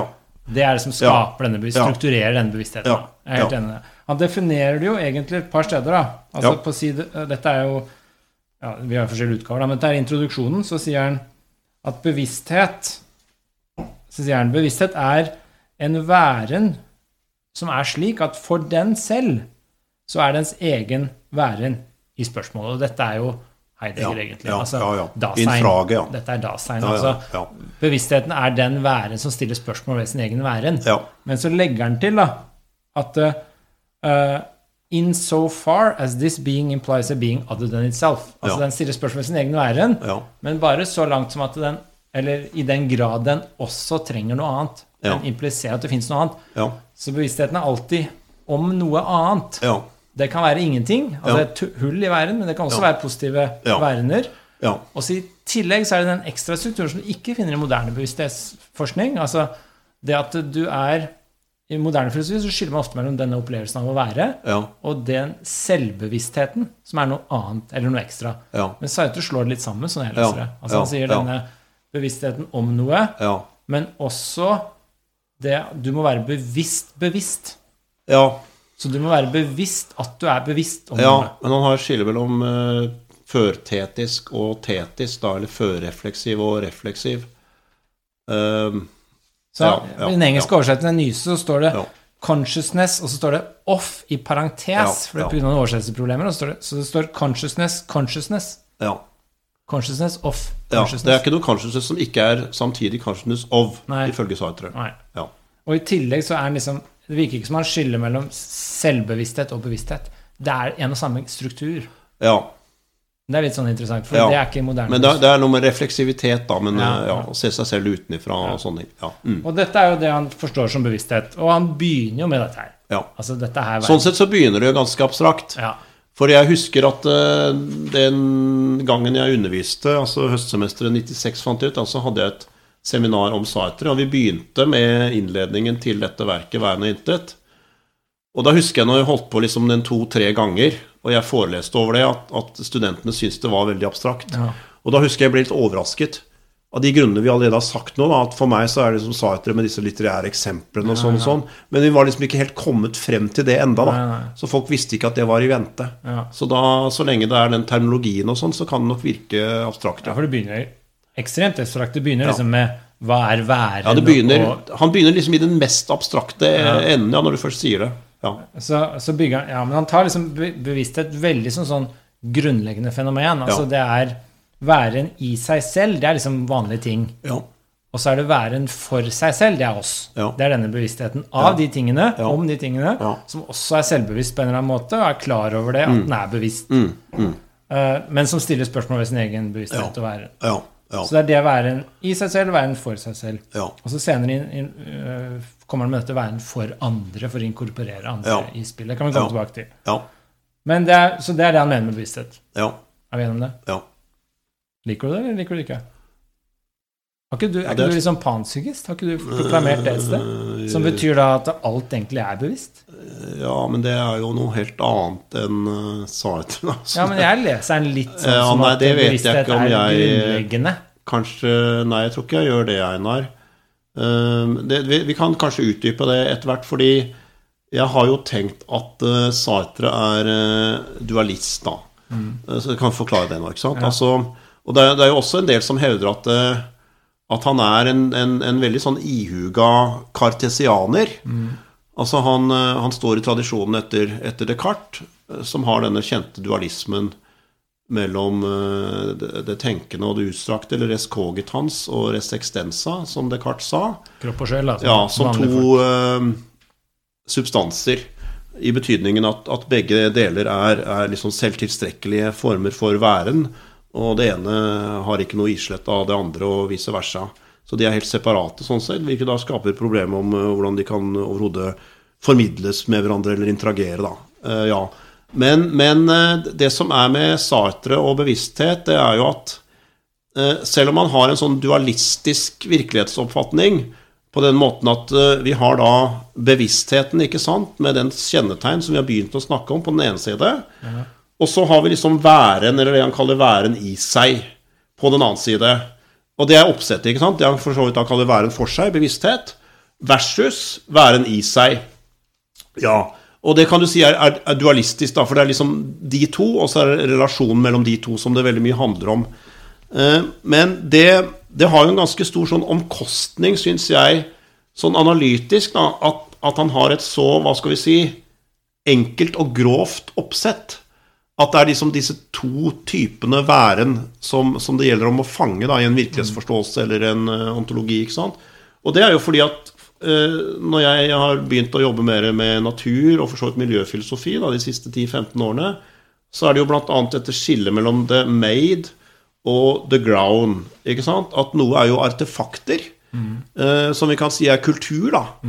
Eh, altså Det er ting som er fremstilt av mennesker for et eller annet formål og mening for oss mennesker. Og så er det det som bare vokser, liksom, som Aristoteles var opptatt av, og biologi og sånn. det er egentlig Aristoteles organisk. skille mellom fysisk og tekne. Det er. Ja, ja. Så jeg syns at uh, altså det, det er det, liksom det med Sartre at det er noe sånn veldig suggestivt ved øh, hvor utrolig fascinerende analyser han kan gi av det som er et sånt ganske enkelt oppsett, Ja. som jeg har beskrevet, ikke sant? Det ene og for det andre. Men litt sånn avhengig av hvilke områder så å si av virkeligheten med hensyn til egenskaper og kjennetegn man blir opptatt av her i verden, da, så er det også noe veldig sånn fattig, og det har en del omkostninger. Eh, at, at han ikke har disse andre distinksjonene, f.eks. når det gjelder det som da er, er bare væren eller væren i seg for Sartre. Hva med det organiske ikke sant, versus det inorganiske der? Og det er jo også en sånn veldig type sånn preferanse egentlig for kultur, da. Altså Sartre fikk et spørsmål en gang. Eh, jeg, jeg lurer på om faktisk han, han, han var i Norge en gang. Han var på Henny Jonstad-senteret. Og Bernt Wester var jo der. ja. Han fikk et spørsmål, og det måtte jo komme selvfølgelig den ene gangen han var i Norge, da. Om han, om han likte seg ute i naturen. Veldig en sånn norsk spørsmål, da. Men man stilte det da til Sartre fra Paris, ja. Og han, han, han skjønte ikke det spørsmålet. Så, og så brukte han eksempelet med at eh, for meg så er en kake så mye mer interessant enn en plante eller et tre Ja. som vokser i skogen. Det var liksom rått parti da, med hensyn til hva som var interessant for han. Og det sier ganske mye om en sånn verdensinnstilling òg, da. At det er, jo, det er jo det som er for oss mennesker, og laget av oss mennesker, selvfølgelig også politisk og sosialt og alt dette, som, som er liksom det interessante filosofiske toppås da, for Sartre. Ja. Men, men er du uenig? Mener du at en plante er mer interessant enn et menneske? Eller kan være like Interessant er jo eh, Jeg tenker at mennesket er mer interessant. Ja, interessant, men, men eh, Ikke viktig, altså ikke mer Ja, nei. Men, men, men, men var en, en, for meg en mer sånn tilfredsstillende filosofi som skal si noe om ulike former for væren, da, for Ja, ja. liksom, må også kunne si noe om de opplagt Ja. kvalitative distinksjonene vi begynner å snakke om utover der. Det. Som han for så vidt som en ærlig sak ikke var interessert i. Så han sant, det er sånn det er da, han, han evner å, å, å liksom veldig skarpt opplyse en rekke viktige fenomener for oss mennesker gjennom sitt oppsett. Men er man interessert i dyr eller økosystemer eller you name it bortover der, så må man selvfølgelig gå til helt andre filosofer enn Sartre. Og det er for så vidt en ærlig sak. Ja, ja. Nei, det. jeg tenker på når jeg sier at han er litt sånn panpsykist, er fordi panpsykisme er den ideen om at alt fundamentalt har en bevissthet, eller et potensial for bevissthet. Men det Sartre sier jo flere steder, er at han er som du sier, veldig opptatt av den menneskelige bevissthet, kanskje den, denne verden for seg eh, først og fremst. Men han sier også flere steder at det, det væren i seg og væren for seg, altså disse vanlige tingene, og Ja. oss, folkelig sagt, Ja. Forholdet mellom de er han veldig opptatt av å knytte sammen, sånn at Ja. det ikke blir en sånn dualisme. Og da sier han flere steder at, eh, helt eksplisitt at eh, forholdet er jo slik at det ene kan ikke eksistere uten det andre. Så det er, en- sånn jeg leser den, så er det en interaksjon, og det er en interaktiv eh, avhengighet her. Altså den, de henger sammen. Han sier det gir ikke noe mening å snakke om bevisstheten og verden for seg uten at det er noe der, væren i seg. Og det gir, denne væren i seg får sin eksistens og sine meningsstrukturer Ja. i vår ja. spørsmål om den, og vårt forhold til hva den kunne Ja, ha vært. Ja, hvis du legger til eh, meningsstrukturer. Men han sier også, hvis jeg husker riktig Men så sier han også at de fins uavhengig av oss. Altså, væren, væren i seg er jo for så vidt selv tilstrekkelig og og nok Ja. eh, seg selv nok, da. Sånn sett. Så, så mennesket som bevissthet, som væren for seg, er liksom uvergelig henvist til. At vi liksom rykker øh, ved oss vår oppmerksomhet, internasjonalitet og våre prosjekter, så rykker vi liksom ut av oss selv, ut mot verden. Med muligheter og begrensninger og komplikasjoner der. Men det han kaller væren i seg, er, er nok i seg selv. Ja. Og viser ikke tilbake på oss. Eller, ikke sant? Nei, de så- kan ja. eksistere Så uavhengig det, av det er asymmetrisk, da. Det, ja, ja. Men altså en måte å lese på da, som er litt sånn velvillig, det er jo at eh, altså, idea, Han er ikke noe idealist i den forstand at alt er bare bevissthet. Nei. Men han er en litt sånn, han er en litt sånn interessant mellomposisjon. Han har denne væren i disse vanlige tingene Ja. som eksisterer uavhengig av oss igjen. Hvis Ja. jeg dør, så Så det er realisme. Det er det vi Det kaller er en type realisme. Ja. Men de får også sin væren gjennom oss, Ja. ved at vi stiller spørsmål ved deres væren. Ja. slik at det, det er en slags mellomposisjon hvor en Ja. måte å lese på er litt sånn kantiansk. Altså Vi kan ikke si noe om de uavhengig av oss, for Ja. er det ingen som Ja. stiller noen spørsmål Vi kan ved de. si noe om væren i Så det er uinteressant å snakke Ja. om væren i seg uavhengig av hvordan Ja. vi snakker om den. Ja, Det er en måte å lese det på. Ja, Og da ja. får du en interaksjon, en eh, Ja. avhengighet, ja, men uten å benekte at det ikke fins, Ja. uavhengig av oss. Ja. Jo, han, han er jo opplagt etter Kant Ja. i så måte. Etter Kants kopernikanske vending. Ja, så du kan ikke snakke om Ja. tingene i seg selv uavhengig av hvordan vi Så det snakker er, om ikke, det. det er ikke naiv realisme. Nei. Ikke sant? Ja. Og det er en sånn velvillig lesning, da. Og da Ja. Men da Ja. får jo alt egentlig Alt blir sånn infiltrert av bevisstheten vår. ja da. Også hvordan Ja. det er, hva det er, Ja. meningsstrukturen som vi kan komme inn på senere. Altså alt Ja. får Ja. Alt blir sånn påvirket av oss, men alt Ja. er ikke bevisst i form av Nei den subjektive posisjonen, da. Nei. Så det er litt sånn Men jeg syns det er ganske sånn interessant eh, At han har det du kaller en sånn mellomposisjon? Ja, Ja. altså en interessant måte å prøve å forbinde dette her, og ikke Ja. få den kartesianske dualismen du var inne på. Ja. Jeg synes Ja. det er litt sånn uh, interessant greie. Altså, man skiller ofte i metafysikken mellom disse eh, egenskaper som ting har. da, altså være være, Ha en masse, ha en negativ ladning, en del egenskaper. Ja. Og så det rent, som er, kan være objektive. Ja. Og så det rent subjektive, sånn der min smerte. Ja. Som er liksom en egenskap jeg føler, og ingen andre. Ja. Men også er det disse secondary qualities midt imellom, som er litt sånn være farger. Noen mener farger er sånn. Det har et fysisk grunnlag, Ja. men fargen er altså avhengig av det subjektive. Ja. Og det virker som Sartre liksom legger seg litt på den. Ja.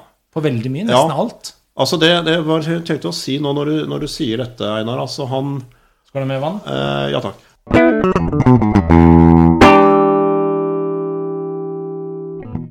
Det kan vi jo si når vi ser det i ettertid, og, og vi kjenner filosofihistorien frem til han skriver dette på begynnelsen av 1940-tallet. Så kan vi kanskje si at han, han kunne ikke ha skrevet det på den måten han har skrevet det ikke sant, liksom tidligere. Altså det, Hva mener jeg med det? Eh, han forholder seg jo og Det er veldig mye implisitt, for han, han siterer jo veldig sjelden andre, som jeg sa, ikke sant, i dette verket. Men, men altså, det er, jo, det er jo Descartes og sånn, og så er det, som vi nå har sagt, også Kant. Og dette med betydningen av hvordan vi liksom konstituerer virkeligheten gjennom liksom strukturene i vår, i vår erkjennelse. Og vi gir form til osv. Så sånn. Og så er det noe liksom bakenfor der som vi kan ikke si noe om hvordan det er i seg selv. For så vidt som vi bare kan forholde oss til det ved måte som vi har å strukturere det og liksom bringe, bringe det sanselige mangfold på, på begrep og inn under en enhet. Begrep, ja. Alt det der fra Kant. Eh, Men så er det jo også nyere filosofi, som vi har vært litt inne på. Altså Hossel og, og Heidegger. Og, og kanskje med løp av å ty litt i samtiden, eller egentlig mer etterpå, da. Men, men, men liksom det fenomenologiske, da. Eh, Men, men det jeg bare kom til å tenke på, Einar, det er jo at eh, Altså solipsisme For jeg, jeg tenkte litt på Wittgenstein. Jeg er ikke noen eh, ekspert på noen som helst måte på Wittgenstein. Men, men noe som, som jeg syns er nærliggende å snakke litt om med utgangspunkt i dette verket hos Sartre, eh, det er jo dette med andre. Altså, hva kan jeg vite om andre? Ja. Jeg tror liksom at Du sitter jo der, og jeg sitter her, og vi skjønner det og sånn, men, men Og da, da er det noe av det som, som minner meg på at, at Sartre er liksom sånn på skuldrene av, av de som har gått forut for ham, det er jo at han, han, eh, han har jo denne diskusjonen av væren med andre, væren for andre, og ulike varianter der, positiv og negativ. Kjærlighet og hat, likegyldighet. Ja, og det at øh, relasjoner med andre er veldig konfliktfylte, da, egentlig i, i sin kjerne konfliktfylte for Sartre. Eh, men så er det det at eh, det, liksom det filosofiske spørsmålet er hvilken betydning har den andre Eh, og da er liksom, Han stiller spørsmålet det er på to måter. Det er to måter å svare på. Enten så har den annen en betydning i termer av kunnskap, eller i termer av væren. Og det siste er liksom dypere da, enn det første. I termer av væren er å gi den andre en dypere betydning for meg enn i termer av kunnskap.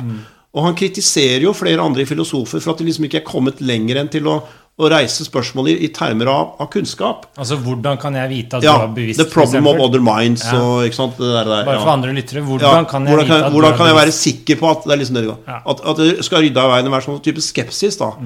Og så har du dette med Wittgenstein, og da privatspråk, og det er forskjellige innfallsvinkler, da, ikke sant? Men, og også det med smerte hos Wittgenstein.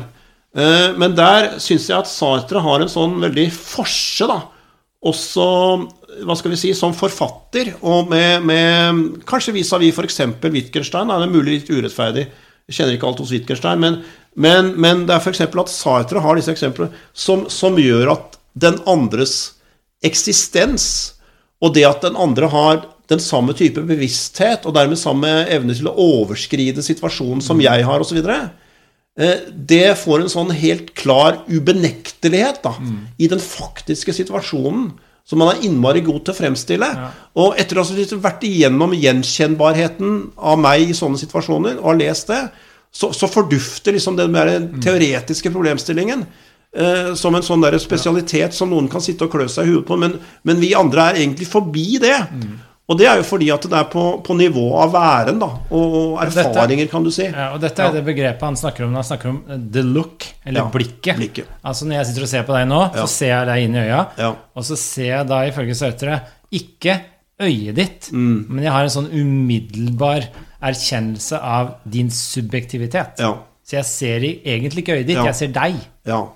gjennom øynene dine. Ja. Og det er ganske sånn interessant. Altså, Ja.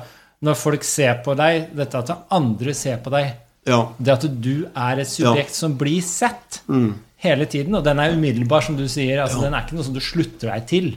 Nei. Men når jeg ser på deg, og du ser på meg, så Det er ikke en slutning. Nei, det er ikke en slutning. Det er vi ikke en hverandre. syllogisme.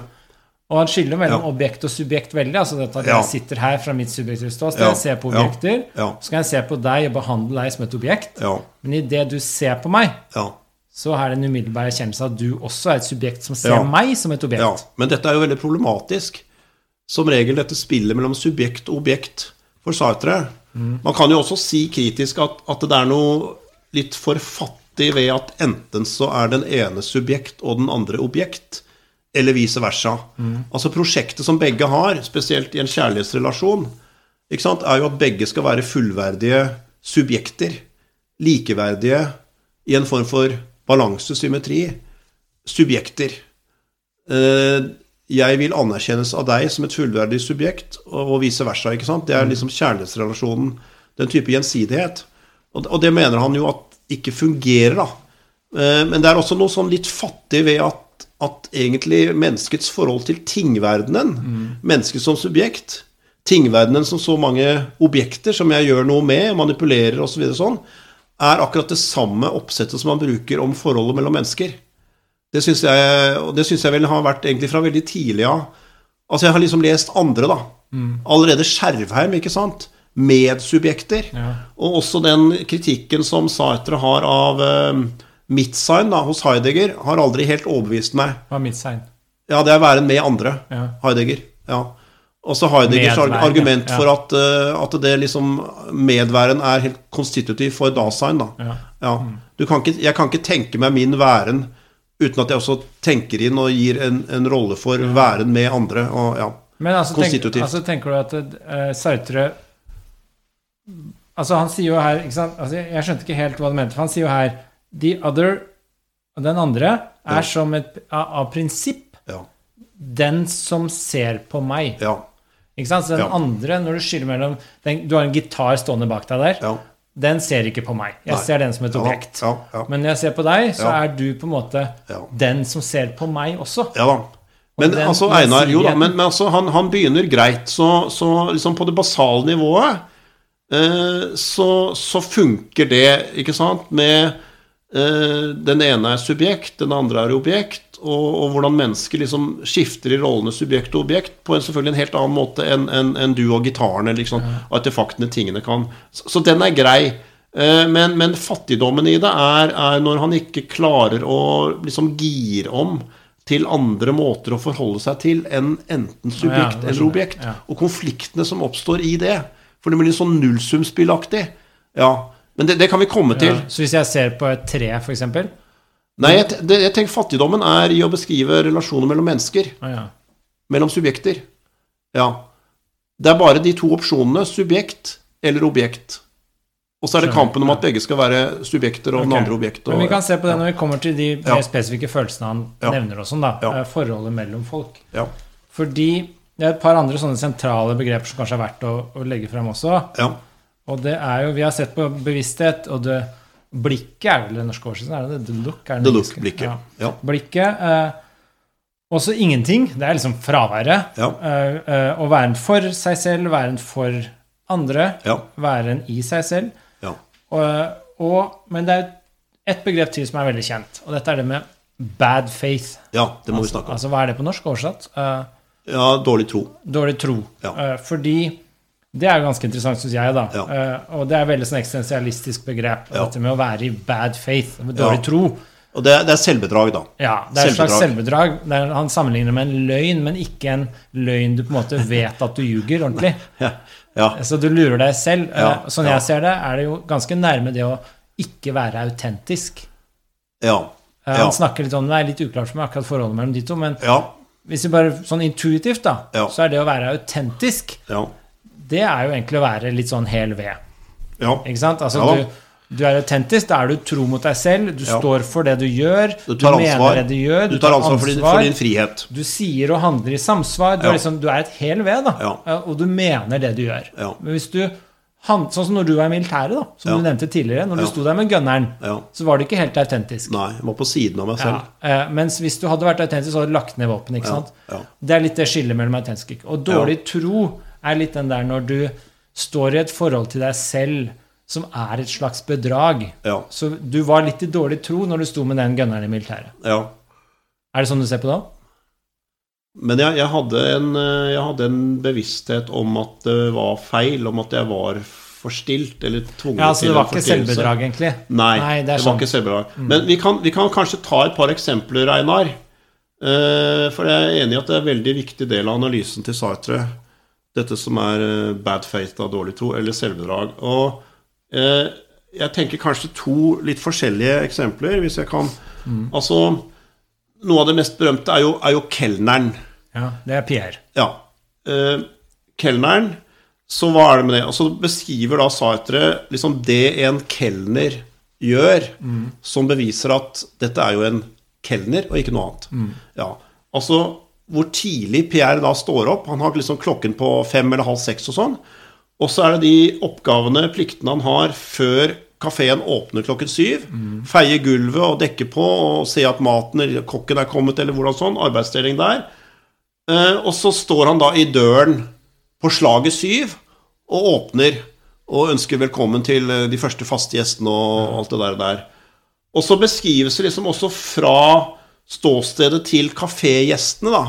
At de ser at, at Pierre Pierre liksom uh, Han, han, han uh, er oppmerksom. Så jeg, jeg trenger ikke liksom, Ingen trenger å liksom rekke opp hånden eller be om og, og Han husker alt og sånt. Så, så det, han er liksom en sånn innbegrepet, inkarnasjonen av en sånn kelnerværen. Ja. Men så kommer jo Sartres poeng, da. Og det er at hvis denne kelneren Pierre innbiller seg at han kan gå fullstendig opp i å være kelneren Pierre på en måte på nivå av væren i seg. Han kan være en kelner på samme måte som liksom bordet i kafeen er et bord. Stolen er en stol i kafeen. Liksom på samme måte som møblementet, så å si. da Som bare er liksom selvidentisk.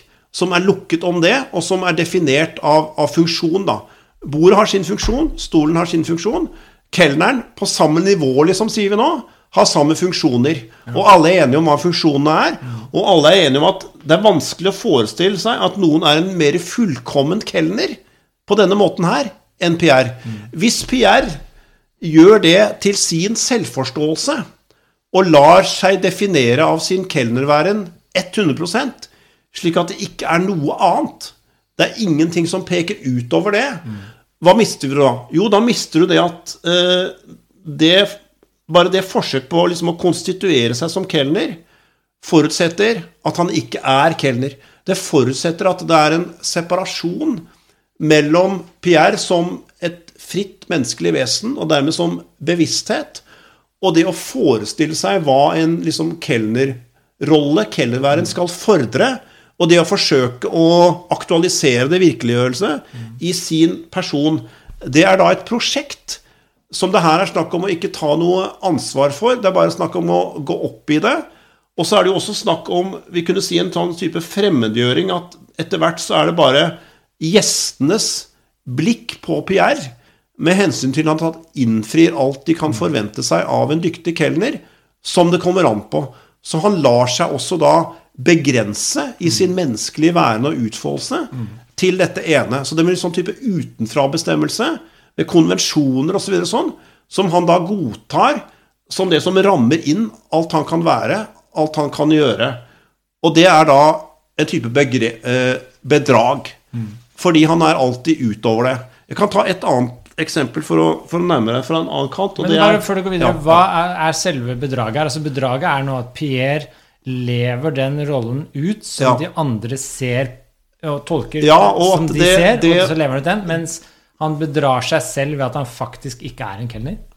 Han bedrar seg selv ved å tro at, at, uh, At hele hans væren, uh, alle hans prosjekter, alle hans muligheter, alt, alt han er og står for, er rammet inn og definert av hva det innebærer å være en, en kelner. Ja. Sånn som også andre definerer at hva en kelner skal være og, og gjøre. Og han har ikke noe annet utover det. Men hva om man liksom gikk all in og bare omfavnet kelnerrollen som seg, og, Ja. og ville det, Ja, og omfavnet det, og sa 'jeg skal bli den beste kelneren ever', ja. er det da, da er det vel ikke bad faith lenger? For Jo. da har han jo akseptert det. Jo, jo. Fordi at uh, menneskets frihet er at du er alltid på en type avstand. Uansett hvilket prosjekt du er, og hva du vil gjøre. Så kan man si at det er, det er noe flott å være liksom sånn fullt og helt og gå inn for det, men som bevissthet så er det allikevel i en, i en avstand til det. Uh, og det, det, det, Han som bruker jo disse uttrykkene med, med, det, med det trege, da, det er egentlig det senere hovedverket 'Kritikk av den dialektiske fornuft'. Altså det, det vil innebære å gjøre seg selv treg, eller statisk, eller på en måte immobil. da. Han fryser seg selv til én rolle, én måte å være menneske i verden på. Men han har et potensial som er, som er reelt, ikke som er noe innbilt, eller som man liksom kan krangle på om man har det eller ikke. Som et faktum for Sartre, hva bevissthet, så har han et potensial, og han kan, han kan i morgen den dag Det kan han beviselig. Eh, ikke stå opp når klokken ringer. Eh, han kan velge å ikke dukke opp. Og han bare gjør noe helt annet, og beviser da at hele tiden så har han i prinsippet kunnet være noe helt annet enn den kelneren han har vært de siste 37 årene. Så da er det jo nesten umulig da å ikke være i bad faith, eller? Nei. Fordi- eh, nei, men det, det har å gjøre med altså eh, Hva skal vi Fordi det er hva, alltid noe annet du kan gjøre som du ikke hva, er, hva er kilden til min måte å være i verden på? Eh, svaret på det for Sartre er alltid at jeg er ansvarlig for, og jeg er egentlig ett med den kilden. Eh, og min måte å være i verden på er alltid basert på valg av mulige måter å være i verden på. Jeg kunne alltid være i verden med en annen jobb, med en annen kone, you name it, på en mat, annen måte enn det jeg er. Og det hjelper ikke at jeg har vært i det samme i 40 år, eller vært overbevist i de 40 årene om at det er det eneste som fungerer for meg her i verden. Det hjelper ikke. Så hva vil være et eksempel på good faith? I god tro. Ja, men Kan vi ta det andre eksempelet først? Ok, ok. Ja, eh, og det er, det er et vanskelig spørsmål. Altså, han, han har egentlig bedre eksempler på ikke sant, dårlig tro enn enn, en, en å lykkes, da, men jeg kan komme til det. jeg hadde en litt annen tolkning av dårlig tro. Ja, Men ok. ja. Ja. Nei, det er en, eh, det er en date. Uh, Ja, ja. det eksempelet, ja. Ja, det er liksom me- metoo-eksempel i boka. Ja, uh, kanskje Sartre Jeg tror ikke Sartre Sartre og metoo, det, det tror jeg Skal ikke gå inn i det. Ja. Um, han var før metoo-kampanjen, da. Ok, ja. Nei, det er jo en date, og det er vel beskrevet faktisk fra fra hennes ståsted, da, i hvert fall sånn jeg husker. ikke sant? Kanskje Men er fra hennes ståsted. ok? Hun er ute og har en, en, en, sin mannlige date der, ikke sant? Og så er det da at um, de har dette måltidet, og de konverserer. Uh, og så skjer da det Ja, sannsynligvis liksom idet de skal betale og liksom gå derfra. Og da er det ofte at man skal bestemme seg, hvis du skjønner, hva man skal gjøre når man er ferdig med, med å spise. Ikke sant? Hva man skal gjøre da. Ja, what happens then? Og da er det akkurat i den fasen der, da, ved, ved liksom det oppbruddet, at, at uh, det står at uh, en? Og da la han sin hånd i hennes. Da kommer den setningen. Ja. En sånn typisk Sartre-setning som plutselig kommer. ikke sant? Da la han sin hånd i hennes punktum.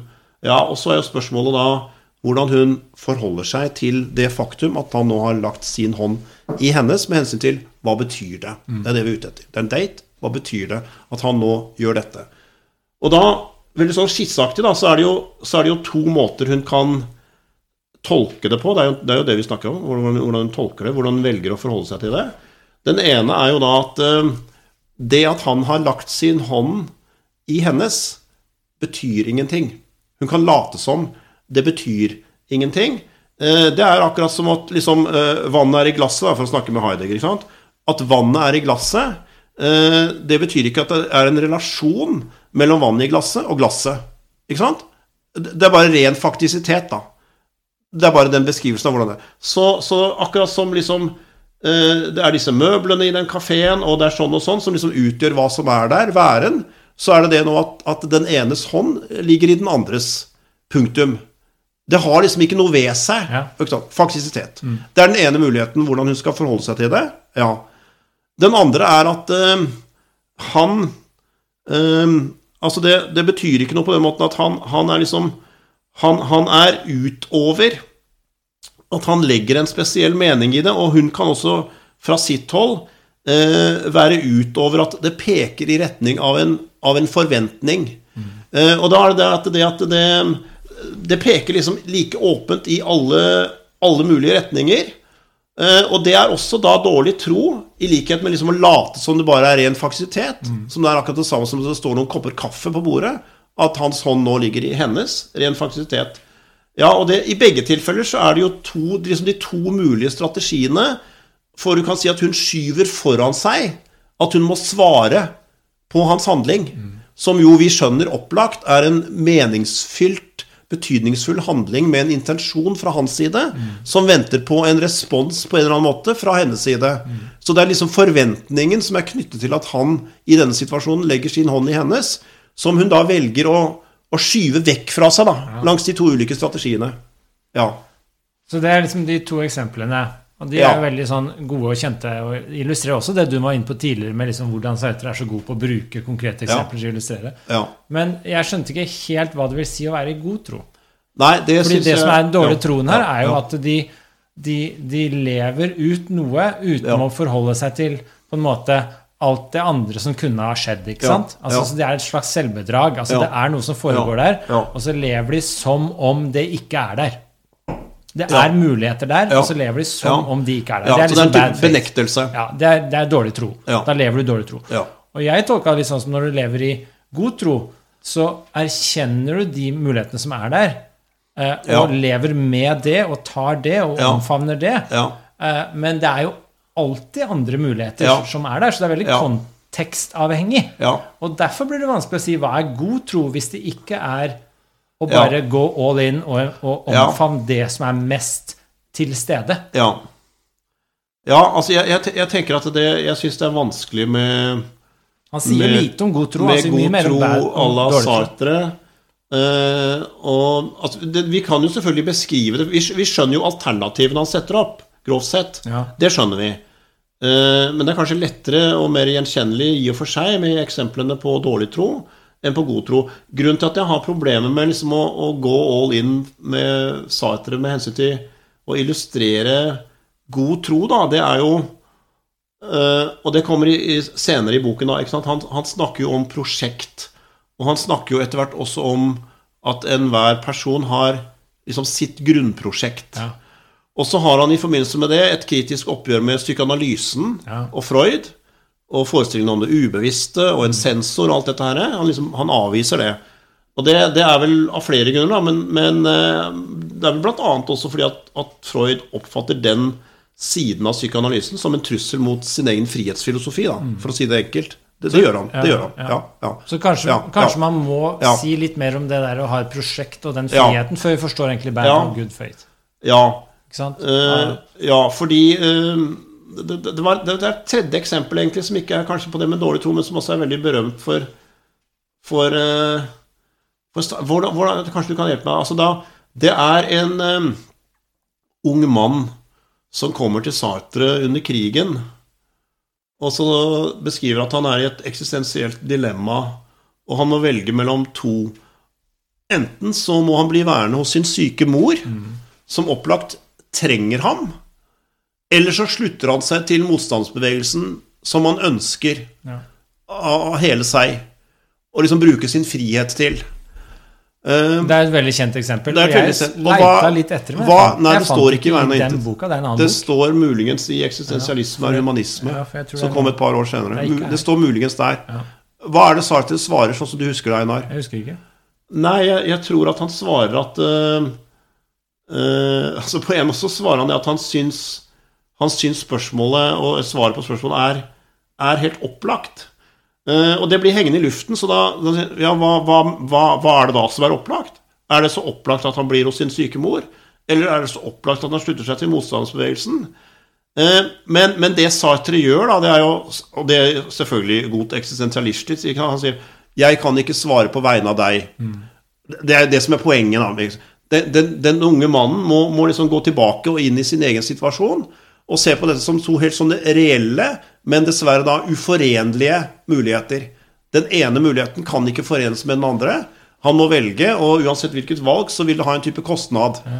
Eh, Men det, eksem Ja, det ja. eksempelet har jeg alt, Det er veldig kjent, da. Jeg, jeg fant det ikke her, så jeg har aldri lest Nei, det. Men jeg, jeg har tenkt mye på det. Fordi Ja. det er jo et kremeksempel på det jeg mener litt sånn med autentisk. Altså, Ja. Fordi av og til så står man i livssituasjoner hvor det er konflikt mellom verdier. ja. Og det er bare genuin konflikt. Du Ja. vet ikke om du skal gå for det ene eller andre. Skal du være moralsk antageligvis riktig å gå for å støtte din mor, eller skal du være litt sånn plikt og nasjonsforpliktelse å gå i krigen. ikke sant? Det, tok, det er en konflikt. Kanskje det ikke ja. fins noe svar om hva du burde gjøre. Ja.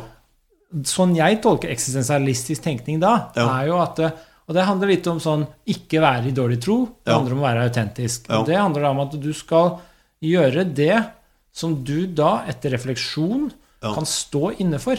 Og da er det ikke noe mer svar utover det. Så hvis Nei. du kan stå inne for det, og du kan mene det, og du Ja. har reflektert nok Ja. Hva nok er, er litt uklart, men du må ha reflektert over det, tenkt over det.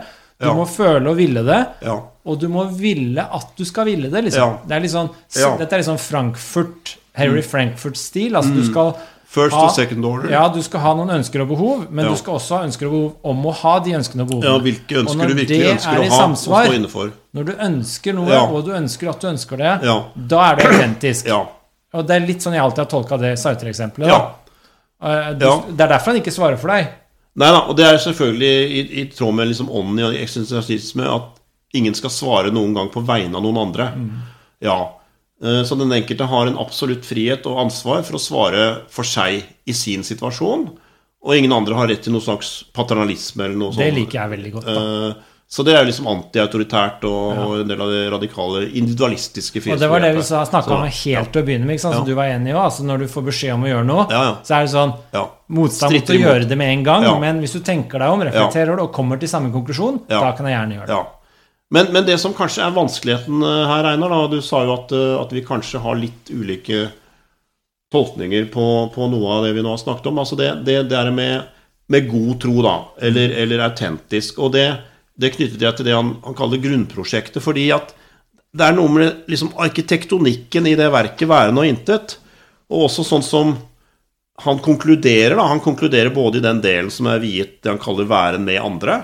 Ulike følelser, ulike relasjoner, positiv og negativ.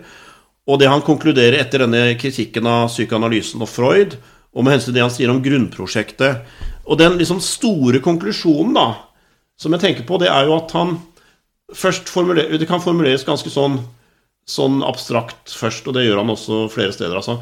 Han sier at eh, menneskets prosjekt Altså nå er det liksom store ord. Det gjelder for oss alle. det skjønner. Ja. Menneskets prosjekt, hva, hva er det? Jo, menneskets prosjekt er å forene å være for seg-væren og det å være i seg-væren. Det er menneskets prosjekt. Ja. eh, Vi, vi, vi forsøker alltid liksom å, å forene og bringe, og bringe sammen i en sånn slags type hånd i hanske-match. Skjønner du? Ja. Eh, Det som jo i virkeligheten, og det er selvfølgelig tragedien da her, siden vi har det prosjektet I virkeligheten så er dette noe separat. Og det, det er liksom prisen å betale, og det, det er det det innebærer med at bevisstheten er, som vi har sagt, negerende. Den innebærer alltid en type separasjon, en type atskilthet, til, til, til væren for øvrig, eller verden, Ja, om du vil. også deg selv. Altså, Ja, du, du vet alt, også alt. at du ikke, hva Ja, du ikke kan være. Ja, alt, alt som bevisstheten setter som et objekt, Ja. eh, enten det er meg selv eller deg eh, Det spiller ikke, spiller ikke rolle hva det er. Har det denne separasjonen Ja. som markerer frihet og mulighet for, for overskridelse. Mm. Og alltid å tenke og gjøre annerledes for Sartre. Ja, men ikke sant, siste setning Jeg vet ikke om du har eh, Altså 'Man is a futile passion'. Ja. Er det siste setning? Ja. Og hvorfor er det sånn sett da liksom det han, det han avslutter med? Man is a useless passion, Ja. det nye. Ja. Men det, ikke sant? Og det, det, er jo, det høres jo ut som en negativ konklusjon. Altså futile eller useless. Ja. Uh, og hva sier han der? Altså det, vi har jo en sånn type streben da etter denne enheten som vi beskrev for seg og i seg, som aldri kan virkeliggjøres. Men vi oppgir jo ikke av den grunn å ha denne strebenen etter å få det til. Selv om det er umulig. Ja, så uh, Altså, nå må vi liksom koble om litt til For dette, dette er den abstrakte måten å si det på, da, metafysisk, om du vil, eller dette med ontologi, altså væren. Ok. uh, så er det da det med grunnprosjekt. Ja. Og det er jo for så vidt også en sånn eksistensialistisk streben, da. Eh, At vi, vi ønsker å, å ha en type sammenheng, kanskje det vi vil kalle en sånn rød tråd, gjennom livene våre, og kanskje særlig etter hvert som vi begynner å bli eldre. Her er han sånn veldig humanistisk, på en måte, da, i de tingene jeg husker hvor han skriver om det. ikke sant? At det er liksom helt naturlig for oss, særlig når vi begynner å bli eldre, at, at det skal også ha en sånn type mening, som vi vil si, da. at selv om man kanskje kan si på ett nivå, sånn som jeg snakket om i stad, at det var egentlig helt feil av meg å, å gå inn i militæret og sånne ting, så er det allikevel snakk om at vi, vi har dette behov for å, for å liksom utlede en mening, eller vi vil si at vi har lært noe av det. Eller vi kan til og med si sånn at, at, at, vi lærer av motstand og sånne ting. Det er veldig sånn menneskelig på et vis. Uh, ja, så, så vi søker etter det. Uh, men så er det akkurat sånn som med Sartre, at hvis du tar det med Pierre, da, sånn som du sa der, Einar, at ja, men hvis, hvis Pierre bestemmer seg for å gå liksom sånn hel ved-aktig, ikke sant? Helt hel ved-aktig. Og, og, sånn sett helt sånn konsistent innenfor å være kelneren Pierre. Det er liksom hans kall. Ja, hans så da kunne du si Siden det er så til de grader konsistent og hel ved-aktig, ja. er det ikke da god tro? Ja. Og så svarer jeg nei. Det er kanskje overraskende at jeg svarer nei, da. Men, men jeg, jeg, tror vel jeg har inne, vært inne på grunnene til at jeg mener at, at Sartre da må svare nei. At uh, det er aldri verken en rolle eller for så vidt et liv, da, sånn sett i ettertid, i retrospekt, som, eh, som Sartre vil det, det, er noe med, han, han, har en sånn uvilje mot liksom å, å close the subject, eller å close the circle, hvis du vil. Altså, uansett om det virker som det har vært det vi nå kaller en, en rød tråd, eller har lært selv av de vondeste erfaringene og alt det der med en sånn veldig meningsfylde, så er det for Sartre noe som, som skurrer ved å liksom eh, sluttføre det eller fyllbyrde det. Altså Det er rett og slett liksom den der gestusen eller behovet vårt for å sette to streker under eller punktum eller noe sånt nå, ja. som, som, går imot det. da at han, mm. at han, mener at vi alltid er utover. Så da, da kommer det et innement av en sånn type bedrag eller falskhet for Sartre. Selv om vi har dette behovet. Ja. Så, så, så, vi har det behovet, men vi må også passe på at vi ikke liksom gir etter for hva det behovet krever. Er jo, altså det er to ting jeg tenker på her nå. Det ene er jo at dette handler jo mye Dette er jo veldig sånn Når jeg leste Heidegger, 'Veien og tid', så er det ja. litt sånn Når du har én måte å være i verden på, så lukker du andre. Ja. Så du avslører og tildekker annenhver gang hele tiden. Ja. Det er en vekselvirkning. Og det er det som er faren med teknologi, f.eks. Altså når du lever deg inn i en teknologi og etterlever den, så lukker du andre væresmåter. Og hvis den er veldig effektiv, så blir de andre borte for godt. Ja, ja. Uh, og det er den der frem og tilbake hele tiden. Mm. Den ser du litt her òg. Mm. Altså, du mm. ser mm. Han går inn for å være kelner. Ok, ja. da er det mange andre måter å være på. Altså Bevisstheten hans er da utelukker alle disse andre mulighetene. Ja, ja. Og da kan det hende han lever i et slags selvbedrag. Ja, og det er vel også mer sånn psykologen han, han, gjør de andres blikk på seg selv til sitt blikk på seg selv. Ja. Det blir også feil. Ja, Men problemet er jo da å si hvorfor det er et selvbedrag. Altså. Hvorfor er det å lukke de andre mulighetene? For Heidegger ville det være greit hvis de mulighetene du lukka, var dårlige. Ja, ja. Men for Sautrus blir det vanskeligere hvis de er dårlige. Hva vil det si for han? Nei, han er, det, er, det, er, det, er, helt grunnleggende for Sautrus at vi alltid er utover. Vi er alltid projisert utover. Selv om vi realiserer liksom gode ting eller gode gjerninger og sånn, så kan vi aldri liksom la oss oss, lime til det og la det definere oss, eller la andre definere oss til det. Ja, Men mitt problem med det er jo da at det er jo ikke noe som er mer Oppleves i hvert fall mer meningsfullt enn å på en måte gå all in for noe. Ja. Altså Å komme i den flytsonen ja. Vi snakka om det tidligere, når ja, filosofien blir et kall. Når du er i det, du lever det.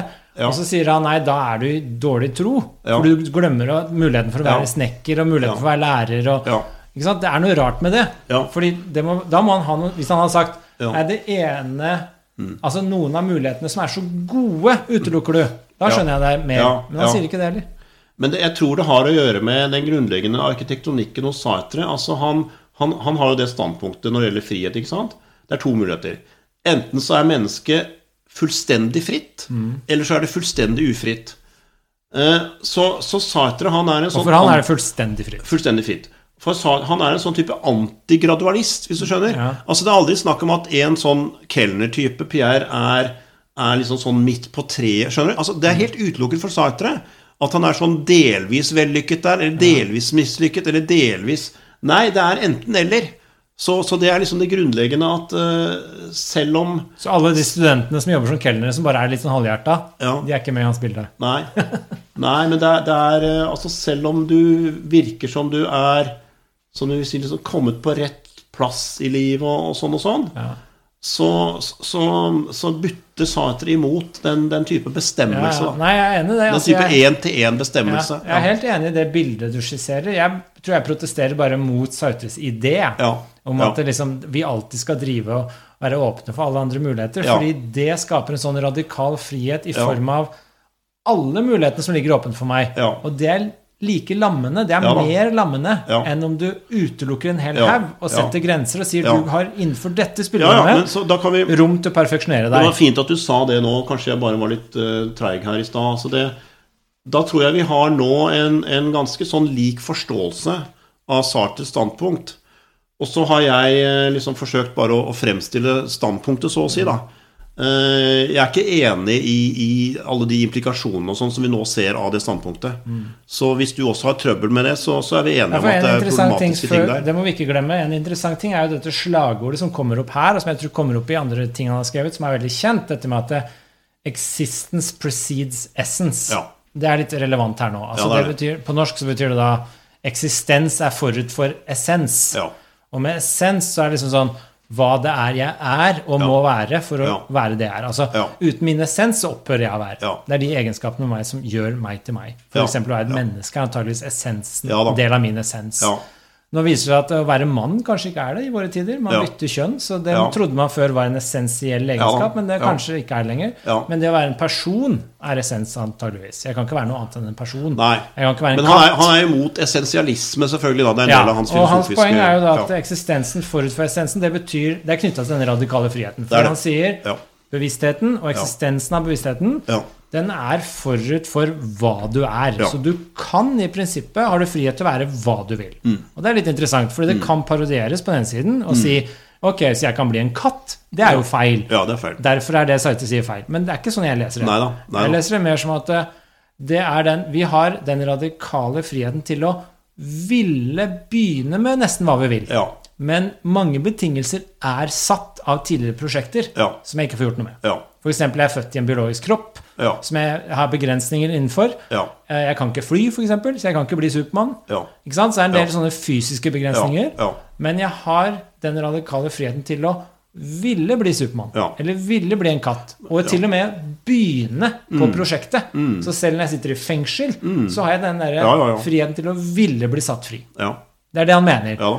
Ved radikal frihet, som jeg leser det. Ja, da. han, han har, skriver jo veldig sånne provoserende, selvbevisst, som alltid provoserer om, om f.eks. slaven. Ikke sant? Altså Ja. slaven som liksom bryter ut og sånn eh, 'Jeg er jo bare slave'. Nei, det er dårlig tro for Sartre. Ja. Ingen, ingen er bare Nei. verken det ene eller det andre. Ja. Det er dårlig tro. Så da, i god tro, så har du egentlig muligheten til å bli og være akkurat hva du vil. Ja. På en måte er det litt sånn arrogant, men på en annen måte er det jo ekstremt befriende Ja, å tenke det, på. men det er liksom på et sånt bevissthetsnivå. Men det er klart at enkelte sitter jo innesperra i en bunkers, eller du skjønner hva jeg mener, ikke sant? Og, og har ikke noen sånne reelle handlingsalternativer. Nei, ja. Selv om de bevissthetsmessig Zelenskyj kan, kan ønske at han var på ferie på Kanariøyene nå, men det er ikke mulig, hvis du skjønner hva jeg mener, ikke sant? Men Så Sartre- bevissthetsmessig så kan vi alltid være utover Ja. ja, Men Sartre vil jo da si at Zelenskyj kan nå ha friheten nå til å begynne på et hvilket som helst prosjekt. F.eks. det som er så ærverdig som han gjør, å prøve å frigjøre Ukraina. Eller å skal Ja. ikke bli okkupert. Ja. Den har han muligheten til å begynne med, Ja. og den begynner han med. Og det er veldig ærverdig og flott. Og sånn. Og så kunne han ha begynt på et helt annet et og dratt på ferie på Kanariøyene, men det hadde vært mindre ærverdig. Nei, det er jo også, siden vi har nevnt han, altså det er jo, det er jo også noe sånn fascinerende ved, ved individets rolle i historien. Eh, og det er jo et sånt Sartre-tema. Vi, vi, jeg tror ikke vi rekker det men altså, den politiske Sartre. For han forsøker seg jo, det er særlig det senere hovedverket, 'Kritikk av den dialektiske fornuft', på det han kaller en syntese mellom eksistensialisme og liksom individualisme à la eksistensialisme, da, som er veldig mye den frihetsfilosofien vi nå har snakket om, på den ene side, og marxisme og en mer sånn strukturell samfunnsforståelse på den annen side. Han forsøker en syntese av det som de fleste oppfatter som, som motsetninger. da. Og, og mange vil jo mene at han får ikke til den syntesen, av gode grunner. Men ja, ja. Ja. Men ja, jeg har jo ikke lest han som politiker i det hele tatt. Nei, nei. nei. Men eh, så dette forklarer jo litt sånn prosjektet vi, Jeg tror vi skjønner litt bedre nå hva denne dårlige tro er. Ja. Men det vi kanskje ikke skjønner, er hva god tro skulle være. Nei, og han sier jo lite om det. Det, er- det er ikke der de berømte eksemplene kommer. Men er det, er det sånn som dårlig tro? Er det viktig for deg å unngå det? Tenker du på det i hverdagen? Dette er det som har truffet meg mest Ja, jeg tror av nok det. er Altså, kanskje veldig sånn opplagt med disse valgene som man liksom står i sånn i 20-årsalderen og før det. Altså hvem er jeg i tenårene og ja. Ja. Jo, jeg, det, har en, det er ikke tilfeldig at disse 19-åringene har Sartre på innerlomma. Altså det, det treffer deg en veldig resonans Ja. i den livsfasen. Du skal finne deg selv, ja, Men jeg vil ikke dermed si at jeg er ferdig med det. Bare fordi at jeg Nei, nå jeg er er akkurat så helt er fylt 60, så er jeg, ikke, jeg er ikke ferdig med det. Det er fremdeles gjenkjennbart og aktuelt. Og det er fremdeles altså akkurat eh, like liksom ille, da. Og, og som jeg sier, liksom forstille meg eller bli satt i sånne situasjoner Mm. hvor jeg står på siden av meg selv og sånn. Det er akkurat like ekkelt for meg Ja, sånn som som i miljøet, 19. da, som du er veldig opptatt av miljøet. ikke sant? Altså, Du kjører kollektivt også av miljøhensyn. Ja. Så du ikke driver og kjører, du lar ikke bilen stå på tomgang i timevis. Det ville jo da være et eksempel på Da ville du være i dårlig tro hvis Ja. du lot bilen stå og gå mens du gikk inn Ja. på Blindern for å hente noe. Ja. Fordi det ville stå, gå imot det du egentlig mener. Ja. Jeg kanskje tenker over det liksom i andre termer enn dårlig tro, da, men, men det er jo helt forenlig med bare begrepet, som, som en type livsinnstilling også, da. Hvem er jeg oppi dette? Kan jeg stå for dette? Ja. ja. For det er Dette her er liksom det jeg syns er mest interessant med hele eksistensialistiske prosjekter fra Kirkegård, Nietzsche, Heidegger, Sartre. Så er det nettopp dette med det autentiske mennesket. ja. Altså hva vil det si? Hva slags person ønsker jeg å være? Ja. Det er det jeg alltid stiller meg. Ja. Jeg stiller meg ikke spørsmål om hva slags konsekvenser har dette. Veldig sjelden jeg stiller meg de spørsmålene. Av og til gjør jeg det, men Ja. veldig ofte så er det sånn Hva slags person ønsker jeg egentlig å være? Hva slags samfunn ønsker jeg å litt leve i? sånn, jeg vet ikke om det blir et sidespor, men i termer av liksom etiske teorier og sånn, Ja. sier du nå at du er nærmere dydsetikk Ja, ja, ja. enn du er nærmere konsekvensialisme og utilitarisme og Helt klart, men jeg tror det også er litt kontekstavhengig. Ja. Altså I store migrasjonskriser, miljøkatastrofer, Ja. så tenker jeg mer konsekvensetikk. Ja. Men i ekteskapet så tenker jeg dydsetikk. Ja. Skjønner du? ja. Veldig dårlig idé Avhengig av kontekst og relasjoner. ja, det er veldig dårlig idé å begynne å tenke rent Så på mikro- og småskala så er det dydene. Ja. Ikke sant? Men også også sånn ja. livsmessig. altså Hva Ja. slags liv ønsker jeg å leve? Da tenker Ja. jeg mer dyd. Ja. Altså tenker jeg Hva slags karakter ønsker jeg å være? Ja. Hva slags samfunn ønsker jeg å leve i? Det må jeg bidra til. Ja. Og det er mye mer sånn dyds. Altså hva slags karaktertrekk ved Ja. ting setter jeg pris på? ja. Etter at du ja. tenker Hva over er det. beundringsverdig? Hva Ja. streber jeg etter? Og hva kan jeg Ja. omfavne av hele mitt hjerte og hele min hjerne? Ja. Ikke sant? Og det handler ofte ikke om konsekvenser. Mm. Veldig ofte handler det liksom om hva er egentlig meningsfullt å gjøre. ja. Og det henter jeg veldig mye av Sartre. Det liker jeg veldig godt. da. Men han skriver jo lite om dyder, da. Altså, Det er ikke noe sånn uh, mye Han lover jo sånn et særlig- etisk verk på slutten her uten å levere, tror jeg. Nei, altså det, det, det Jeg jobbet med det faktisk i det semesteret jeg hadde seminar om Sartre. Det som heter 'Notebooks for an Ethics'. Ja. Det ble vel aldri utgitt som bok mens han levde? Jo da, det, nei, ikke mens han levde. Så det er posthumt. Ja. Men det er, eh, det er veldig mye bra der, altså. Men det er, jo, det er jo lite lest, det er lite kjent. Det er ikke det man assosierer Sartre Men er det i samsvar med det han sier her? Nei, han, eh, nei, det er interessant. Altså, han, eh, han har, han har eh, Det er særlig analyse av appellen og hjelpen uh, som er mer eh, hva skal vi si, optimistisk på vegne av, muligheten for vellykkede menneskelige relasjoner. da. Ja. Som er veldig konfliktorientert i, i konklusjonen, ikke sant, i vegne av intet. Selv kjærlig, altså ikke selv, spesielt kjærlighetsrelasjonen Ja, mm. er jo i sin essens i den gang, ja, i sin struktur da, for Sartre konfliktfylt, og, og, og må alltid være det. Og, ja. Men eh, nei, det er, det er med hjelp. Altså, han har et eksempel fra den uh, Notebooks for an Ethics. Da, altså, det, det synes jeg det er så typisk hvor godt det er. Altså. Du tar det med en gang du, du begynner på det, så skjønner du liksom Det er at uh, han, han går da i en hovedgate i Paris som alltid. Han skal kjøpe avisen som alltid, i kiosken der og sånn. Og så er det at en, en trikk alltid har gått nettopp har gått ut fra holdeplassen. Ja. Og så ser han da trikken liksom gå ut. Han skal bare i kiosken, han skal ikke ha trikken selv. Så ser han at det, det er en som kommer løpende og forsøker å ta igjen den trikken. Og så beskrivelsen, da, det er Det er eh, at han skulle For det første så er det liksom gitt at han ønsker at den som løper etter, lykkes i prosjektet med å nå trikken. Det er helt gitt at, at det er det han ønsker.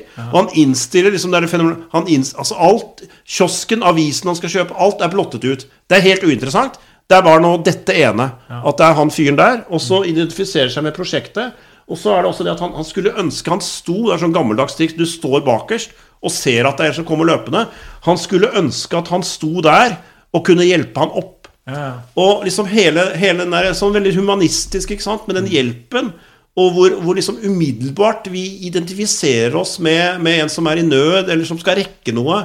Den type situasjon. da, Med å gjøre det som gjøres må, for at han skal lykkes i prosjektet. Og den, den, den humanismen der, den, den, har du ikke i Væren og intet på den måten.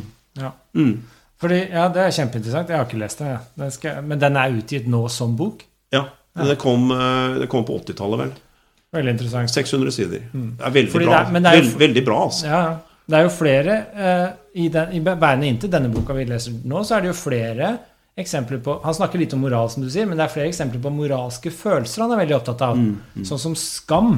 Ja, vi har ikke snakka om skam. Og skyld. Ja, ja, skam er uh, og, og, som du også snakka om, kjærligheten er jo veldig interessant her, fordi er, den er konfliktfylt, som du nevnte. Altså, men det handler jo også om at uh, når jeg elsker noen, så vil jeg eie de, sier han. Ja, ja. Altså det, og det er egentlig alt jeg ønsker å gjøre. Det er eierskap. Når jeg, en, når jeg tegner en tegning, skaper et kunstverk, så vil jeg eie dette. Jeg vil ha det. Ja. Og det samme gjelder andre mennesker i mine relasjoner til en person. Så hvis jeg, veldig, hvis jeg elsker en, annen, en kvinne, f.eks., så vil den da skal jeg eie henne.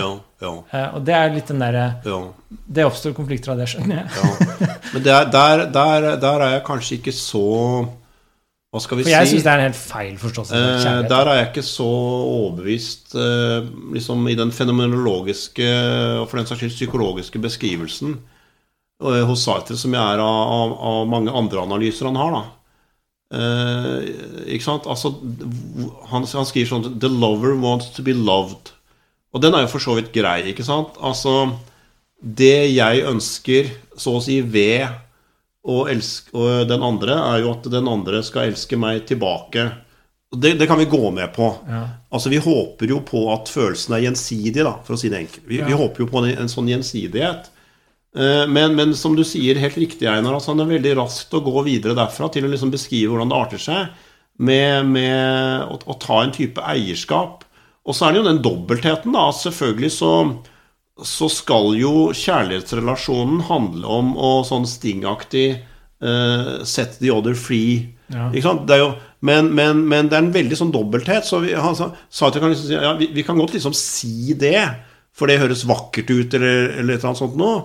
Men, men, det er ikke sånn det egentlig er. Så vi kommer liksom aldri unna at, at vi har det behovet for å, for å eie, og, og for så vidt også for å være den ene. ikke sant? Ja. si Alt det der. der Men det er, jeg tror han bare blander mm. kjærlighet med begjær. Altså Det virker som han roter det til litt. Altså det er, sånn jeg ser det, så er det sånn at på den ene siden ja. kan jeg begjære en jo. kvinne. ikke sant? Da kan jeg begjære hender, Og det, ja. er jo, det handler til en viss grad om eierskap. Det kan jeg forstå ja. hva innebærer.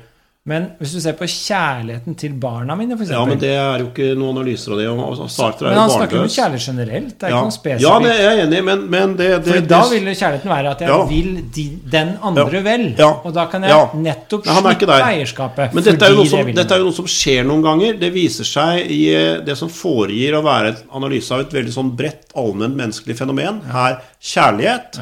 Så har han et paradigmatisk eksempel på en sånn type relasjon som handler om kjærlighet det heteroseksuelle paret ja. med begjæret. Ja. Og, og, sånn. Det er det han har for seg. Det er det, det, er det alle eksemplene uh, henter sin næring fra. Ja. Men han sier ingenting om foreldre-barn. Ikke sant? Alle mulige andre Hadde han barn selv? Nei, han var barnløs. Tror du det er derfor? At han, det, går, Nei, det er derfor. Det går under radaren? Jeg vet ikke om det er derfor, men uh, Aristoteles er mye mer nyansert ja, enn det her. Ja, ja.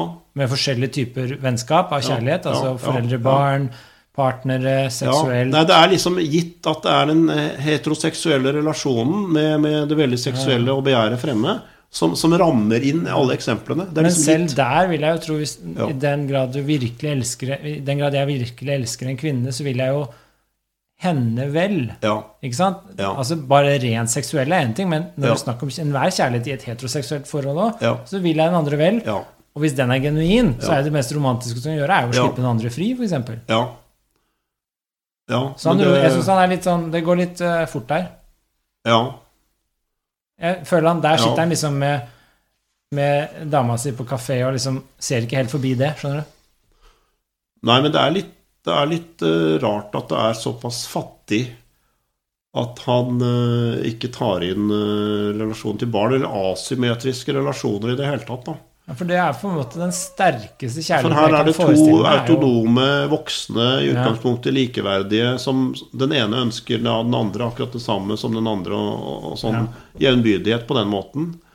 Det er det han ser for seg. Ja. Det, det er veldig, en veldig annen interessant eh, emosjon der, som jeg tok opp, som, nei, som jeg hang meg merke i. Ja. Beit meg merke i. ja. Henger deg vel ikke merke i? Nei, du biter deg merke i det. Ja. Jeg vet Du biter. merke. Det er, dette, han snakker om, på, dette er jo da mot slutten, hvor han snakker om eh, mindreverdighetskompleks. Ja.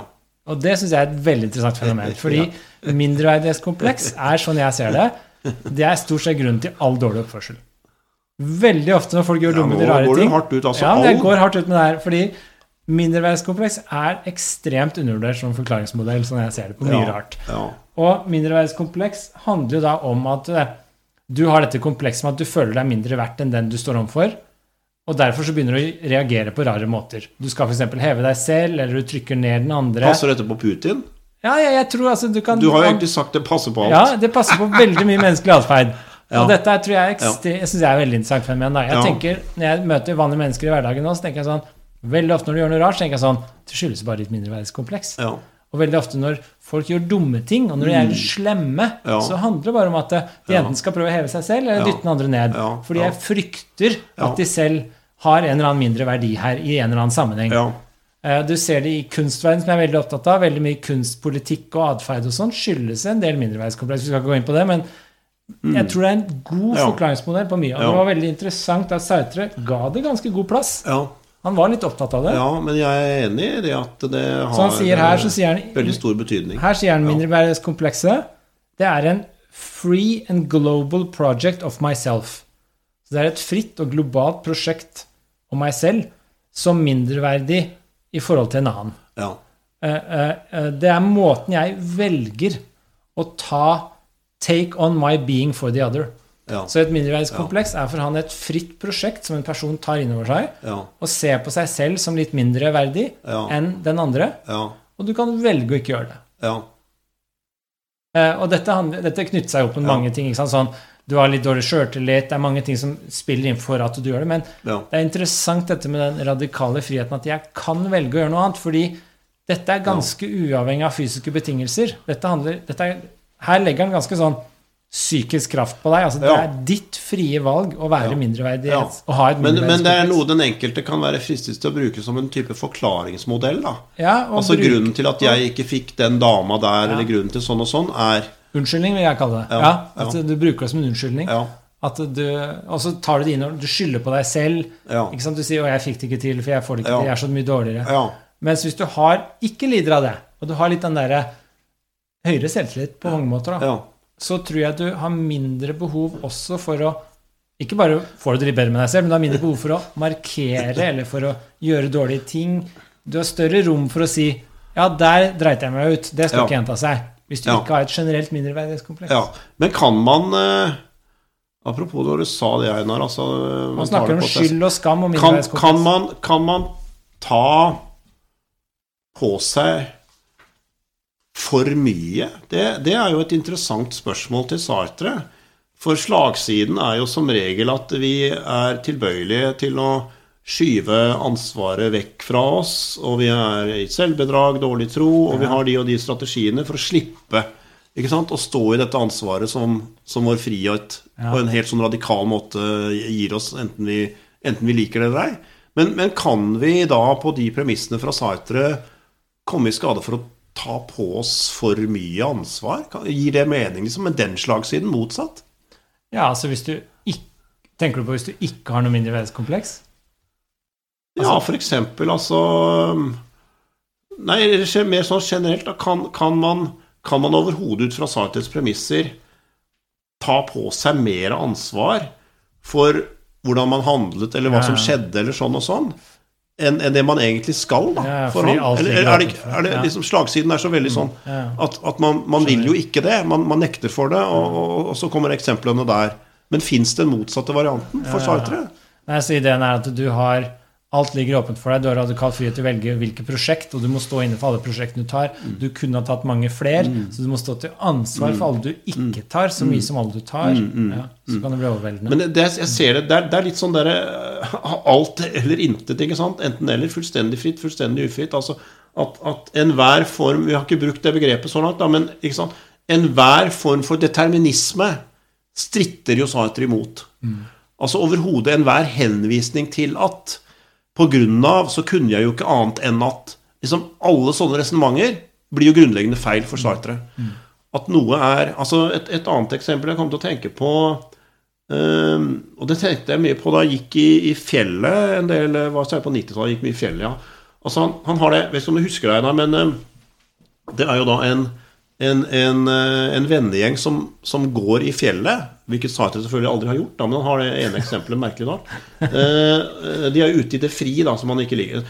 Og så er det det at eh, eh, det er liksom lengre å gå til dit de skal. Jeg tror jeg varierer litt etter min egen fantasi nå. Jeg husker ikke nøyaktig. Så, også, så det, er, det er liksom lengre. Og så er det da det, Du er den ene i den gjengen, da som, som, begynner å liksom legge merke til de andre og sånn, og du syns at selvfølgelig de virker sprekere enn deg. Mm. Og du tar inn over deg at Nei, det var jo ikke den toppen der, ja. sånn som det ofte er, da. Det er enda en topp til og sånn, mm. før vi er fremme. Ja. Og så begynner det liksom å kicke inn, da, at øh, Orker jeg egentlig dette mer? Ja. Orker jeg den neste toppen? Og hva om det viser seg at det heller ikke er den siste vi skal over i dag? Og det som beskrives, da, det er jo at på et tidspunkt, etter at dette her har forløpt ganske lenge, da, Eh, så, så bare liksom kollapser, da, som man vil si, denne personen. Bare legger seg ned og utbryter, ikke sant. Eh, jeg orker ikke en meter til. Og så kommer jo Sartre inn, da, med, med klubba si som vanlig, ikke sant, og sier at nei, selvbedrag, ikke sant, dårlig tro. Eh, så han er jo da fullstendig fri, og han er liksom akkurat like så fri som da han begynte turen, da, åtte timer tidligere, ikke sant, til å gå lenger. Det er jo Sartres poeng. Han er akkurat like fri som da de begynte, og han var fullt uthvilt og alt det der. der. Ja. Det skriver han fra kafébordet på Montparnasse. Ja, ikke sant? Og det, det, er jo, det er jo så, så det, er liksom den der kompromissløsheten for å si at det er aldri gyldig for Sartre å peke på Du kan ramse opp. Uh, vi har jo nå gått i åtte timer. Ja, ja. Uh, vi hadde egentlig avtalt at vi skulle gå i fem. Ingen, ikke sant? Det kom det der regnværet. Det er tungt, ikke sant? Det er så og så lenge siden vi har rastet. Eh, vi har gått tomme for vann. Alle omstendighetene kicker inn, ja. som liksom heller i retning av at selvfølgelig, objektivt sett, liksom, så kan jo ikke jeg orke å gå lenger nå. Det, men, men, det er ikke noe av det som biter, da. Jeg liker det veldig godt. Jeg vet ikke, Det appellerer veldig til meg. Det er sånn jeg oppdrar barna mine. Ja. Bare sånn her når vi går, bare Skjerp deg, det går litt til nå. Slutt å klage. Men, men, det er jo noe veldig befriende med det. Det er veldig sånn du, det er jo det som er liksom intuisjonen. Du er radikalt fri til å reise ja, deg opp. Ja. Du bare orker ikke. Ja. Men det er kroppen din. Du kan bestemme deg for å reise deg opp. Det er den splittelsen, da. Altså, du er ikke kroppen din. Kroppen din er sliten, men, men det hjelper ikke liksom filos sånn jo... filosofisk sett med hensyn til din frihet. Det spiller ingen rolle hvor sliten den kroppen er. Men, men, det kommer vel kanskje til et punkt hvor det, hvor det, hvor det på en måte mister en sånn purchase da, i praksis.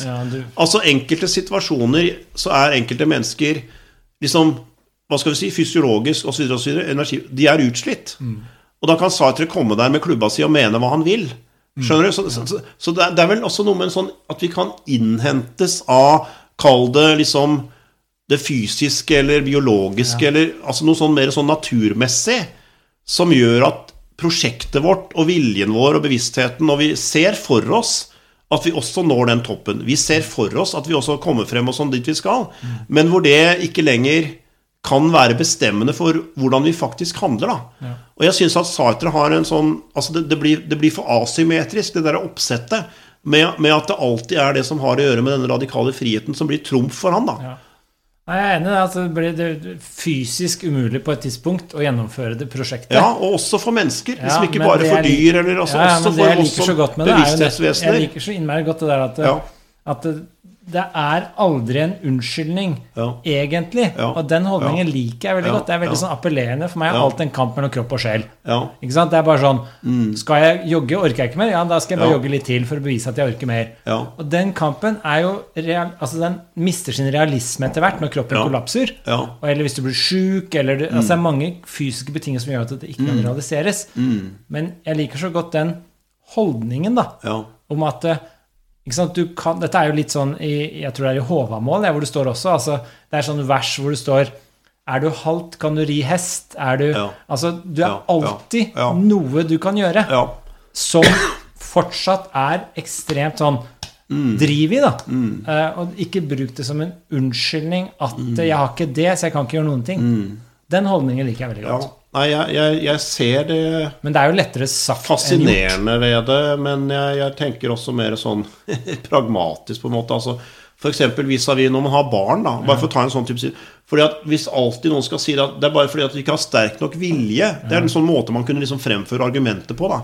Det er bare fordi at søsknene dine er, er, har så mye sterkere vilje enn deg. eller altså, og, og jeg tenker at det, det blir litt feil på et vis å knytte det til, til en sånn individuell vilje da, som kan variere fra den ene til den andre. For noen ganger, som jeg sa, sant, så er det så er det liksom slutt på kreftene. da. Ja, ja. Og da må det få lov å, å, å være det som bestemmer at nå kan ikke han gå lenger. Mm. Men, men Sartre vil liksom ikke akseptere betydningen av det. da, Åkke som. Nei, altså Jeg tror han erkjenner at de, de, de fins, men han vil insistere på den ekstreme Ja. friheten vi har til å velge det motsatt, selv om vi ikke klarer det. Ja. Og så kan man si ja, men da mister du sin relevans. Men jeg tror det Og det er jeg enig i. Altså På et tidspunkt så må du bare si nok er nok. Men, eller nå går det ikke. Men jeg tror det er veldig sunt å opprettholde grader av et sånt ideal. Ja. At man ikke begynner å For jeg syns ofte det går for langt i motsatt retning. Ja. At man begynner å bruke unnskyldninger Ja. bare for å slippe å gjøre jobben. Ja. Ikke sant? Det er vanskelig å, å få til noe. Ja. Eh, og da må du jobbe hardt. Og den tilfredsstillelsen Ja. etter at du har jobba hardt, Ja. er mye større Ja. enn den der å bare ikke Ja. jobbe hardt, for jeg skal Ja. ha det bra her nå. Ja. Det er litt sånn marshmallows-testen. ja. Ikke sant? ja. Vent med den ene for å få litt bedre senere. Det er også det han sier eh, Jeg skal bare husker eksempelet litt sånn fyldigere. for Han har dette begrepet 'coefficient of adversity', som er en vanskelig teknisk term, men det er også eh, altså det har å gjøre med, med motstand. da, Motstridighet. altså Han snakker liksom vir, virkelighetens gjenstridighet. og da F.eks. den situasjonen hvor denne gjengen som går på tur, og du er den ene ikke sant, som begynner å føle på at jeg tror ikke jeg orker en meter lenger nå, og sånn, og så, og så, og så peker man f.eks. på at, eh, at det er en veldig sånn stor stein jeg tror det er med i eksempelet hans. Det er en stor stein, så liksom man, man, må, man må gå i en sånn bue rundt steinen. Og Da kan man bli veldig sånn opphengt i hvor dumt det er at den steinen ligger der. Hadde den ikke ligget der, så kunne den gå rett frem. Det hadde vært lettere, hadde krevd mindre krefter. Eh, men da sier han liksom å, peke på at det er liksom sånne objektive eh, hindringer, da. Det blir også dårlig tro for Sartre. Fordi at det som er hindringer, det er alltid relativt til ditt prosjekt. Og det, det, liksom, det faller tilbake på din frihet. Ja, ja, ja. Du kunne ha hatt et annet prosjekt. Du, du kan liksom mekke om på hva, på, på hva du holder på med der, og hva du skal gjøre og sånn. Så det er aldri noe sånn objektivt som definerer at en hindring er en umulighet. Det er det jeg skal frem til. En hindring er aldri en, aldri en umulighet som du må sette punktum etter. Og så sier han jo også på et tidspunkt at friheten vi har, da, den er jo avhengig av at det fins hindringer. Ja. Du har ikke noe frihet hvis det ikke er noen hindringer. Nei, det står jeg, jeg så er det det helt tomt. To- Så ja. Nei. det at det på en måte Ja. ligger en stein der, Ja, er det som nettopp. gjør Hadde det bare vært å skjære i smør, så hadde det ikke vært noe poeng. Nei. Det må være motstand, det må være friksjon. Ja. Så det at kroppen din begynner å bli sliten, er jo det som gjør at du er fri til å gå videre. Ja. Det er ganske interessant å dvele ved akkurat den ideen, syns jeg. Jeg syns det er noe av det mest fascinerende med, med hele Ja. Sartre, er jo den friheten. Men jeg tror at du skulle på et møte, skulle du ikke? Ja, ja. Vi skal ha veiledning. Vi skal alltid ha veiledning. Så må, Hva er klokken da? Vi må begynne å runde av. Eh, Den er 12.25. Ja. Vi kan begynne å runde av, ja. Ja, så vi må runde av. Eh, eh, Men vi kan jo gjenta det en annen gang. Ja, absolutt. Da tar vi en en annen enn Sartre. Ja, da kan jeg til og med veien hit. Ja, det er veldig Ja, det skal vi klare. Men uh, så er det noen siste ord han sier Vi er masse vi ikke har fått snakka om, da, men han sier noe om skyld som jeg syns er litt interessant. Altså dette at vi er skyldige overfor hverandres blikk hele Ja. tiden. Det er en grunnbetingelse, nesten. Altså Ja. Bare du ser på meg, så er jeg skyldig. Ja. Og bare jeg ser på deg, så er jeg skyldig. Den føler jeg veldig også. Jeg føler skyld og dårlig samvittighet for alt hele tiden. Den stikker veldig på meg. Kjenner du igjen det, du òg? Føler du deg skyld, skyld og dårlig samvittighet for noe hele tiden? Nei, jeg vet Altså, det Vi har jo ikke egentlig snakket om den fenomenologiske analysen av blikket. da Kanskje vi bare kan runde opp, uh, wrap up eh, med det, hvis vi rekker det nå. Altså, det eh, eh, Du vet, den, den ene scenen da er jo at eh, han står og tyvlytter. Du husker den, Einar? Ja, ja, ja. Han står og tyvlytter i en sånn eh, La oss si det er en hotell, lang hotellkorridor. Eh, fordi at eh, kjæresten eller noe er jo der inne, og så han er kommet, han har vært et ærend ute, og sånn, han kommer tilbake, og så liksom akkurat idet han nærmer jeg, jeg bare liksom varierer. Akkurat idet han nærmer seg, det er jo den type situasjon som kanskje noen har vært borti, ikke sant? Så, så syns han han hører lyder, da. Men han trodde hun var alene der ikke. Men tydeligvis så er hun ikke nå alene der. Så du har jo det gående. Han er jo fantastisk som kommer opp med disse eksemplene. Ja, ja. Det må vi jo bare si, altså. ja, vi sitter jo her og gnir oss i hendene fordi at det er sånn rikdom. Ok. Og så er det selvfølgelig altså da han, liksom, han, han, eh, han blir jo da stående og liksom legger seg på med hele sin tyngde for å høre liksom enda bedre enn en nøkkelhullet. Han irriterer seg over at stemmene liksom har fjernet seg litt lenger unna. Det blir vanskelig å høre hva som er sagt. Han prøver å finne ut av hvem den andre personen er, som er kommet inn og sånn. Og så skjer det jo, da. Han hører lyden av skritt lengst nederst i korridoren. Og da er jo spørsmålet i løpet av et sekund Er jeg sett? Ja. Ikke sant? Er jeg sett? Og, og, og hvor har jeg en exit? Han kan da ikke gå inn på rommet. Det, det? Han, han, han, han, skal, han, han prøver å gjemme seg for den som er kommet. Og hvor mye har den som har kommet og sett han, og liksom sånn sett tatt han på fersken, Ja. skjønt av liksom det han holder på med. Det er det de, og, og da er det jo den strukturen da med at den andre overskrider mine overskridelser og, og alt det derre. Og så er det jo det at eh, Det er jo at den, den andres blikk Altså apropos skam da nå spesielt. Mm. den andres blikk gjør jo selvfølgelig meg til, til sitt objekt. Den andre har liksom eh, blikkets kraft, så å si, som subjekt. Til å gjøre meg til et objekt. Jeg er den som nå er sett. Jeg er den som er tatt på fersken. Og det er jo et tap av kontroll og liksom definisjonsmakt, da. Eh, som liksom går fra meg. Det var jeg som sto der og hadde et prosjekt, men, men det er liksom nå han, han bruker veldig sånn Altså, det er stjålet fra meg. Eller han, Det er som at det bare renner ut i et sluk. Han bruker sånne metaforer. da. Det renner liksom ut i et sluk. Det er ingenting igjen av det. Og situasjonen er fullstendig definert av den andre, og jeg er fullstendig prisgitt.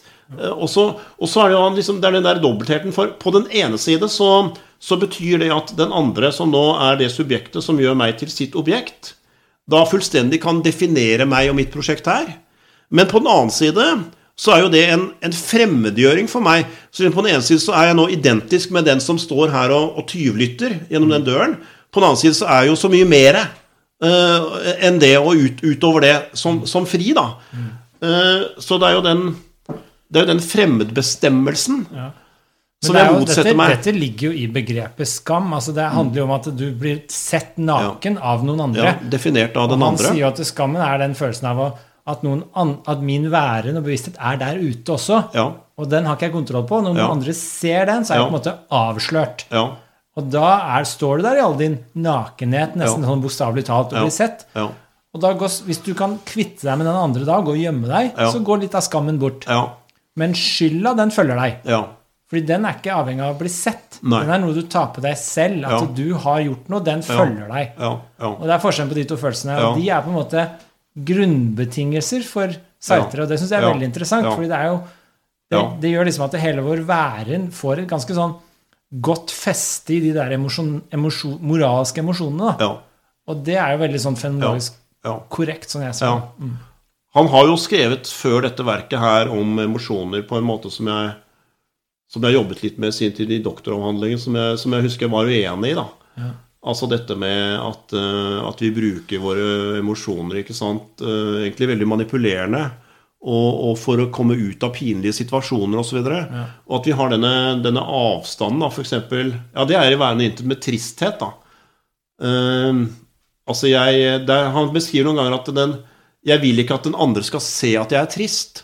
Men da bare bestemmer jeg meg for å legge liksom min tristhet fra meg. Og så skriver han til og med at når den andre da har gått, så går jeg liksom inn i tristheten igjen. Så det er veldig sånn bokstavelig at, at, jeg kan- at jeg har en type frihet, om du vil, da, Ja. til å gå ut og inn av følelsestilstander. Som også forutsetter en sånn atskilthet. da. Ja. Uh, og liksom at det er bare sånne opsjoner og sånn som, som gjør at jeg syns liksom egentyngden av det vi kaller det affektive, da. Altså Det har jo også å gjøre med at han har en veldig sånn kognitiv og intellektualistisk forståelse overhodet av hva, hva følelser er. da. For det er måter å tolke verden på, og det er måter å, å liksom negotiate da, situasjoner på. Særlig de som er awkward med andre. Og, og, det, og det gjør at det liksom sånne verktøy da, som vi trykker på, eh, alt ettersom hva vi finner formålstjenlig i situasjonen, som, som egentlig forutsetter at, at vi har dette følelsesmessige, og særlig tilstandene, veldig sånn utenfor oss, da, og, og manøvrerer i det. Ja, men jeg liker veldig godt at disse følelsene er en del av grunnbetingelsene. Altså Ja, de er på en måte ja, det er bra. værensmåter Ja, vi har, og så Det er farger det alt vi gjør. Ja. Og det tror jeg er veldig Og det, har han sånn fra, det, er veldig, det, er, det er veldig mye Heidegger. er altså Stimmung og de begrepene fra, fra Væren og tid til Heidegger. Men uh, siste Bare sånn siste påstand. Han snakker om dette med å eie og det å overta, som vi var inne på tidligere. Ja. Det er en litt artig tanke til slutt, bare sånn nøtt for alle. Det var jo at det, han sier når du ser noen gjøre noe og tar eierskap til noe, eller du ser noen gjøre noe negativt, positivt, så kan du stille deg spørsmålet om de prøver å gjøre eierskap ved å ødelegge det, Ja. eller ved å skape det. Og Ja. hvorfor de gjør det ene fremfor det andre. Ja. Det syns jeg var litt sånn artig. Altså når jeg skaper et kunstverk, ok, hvorfor skap, prøver jeg å få eierskap ved skapning?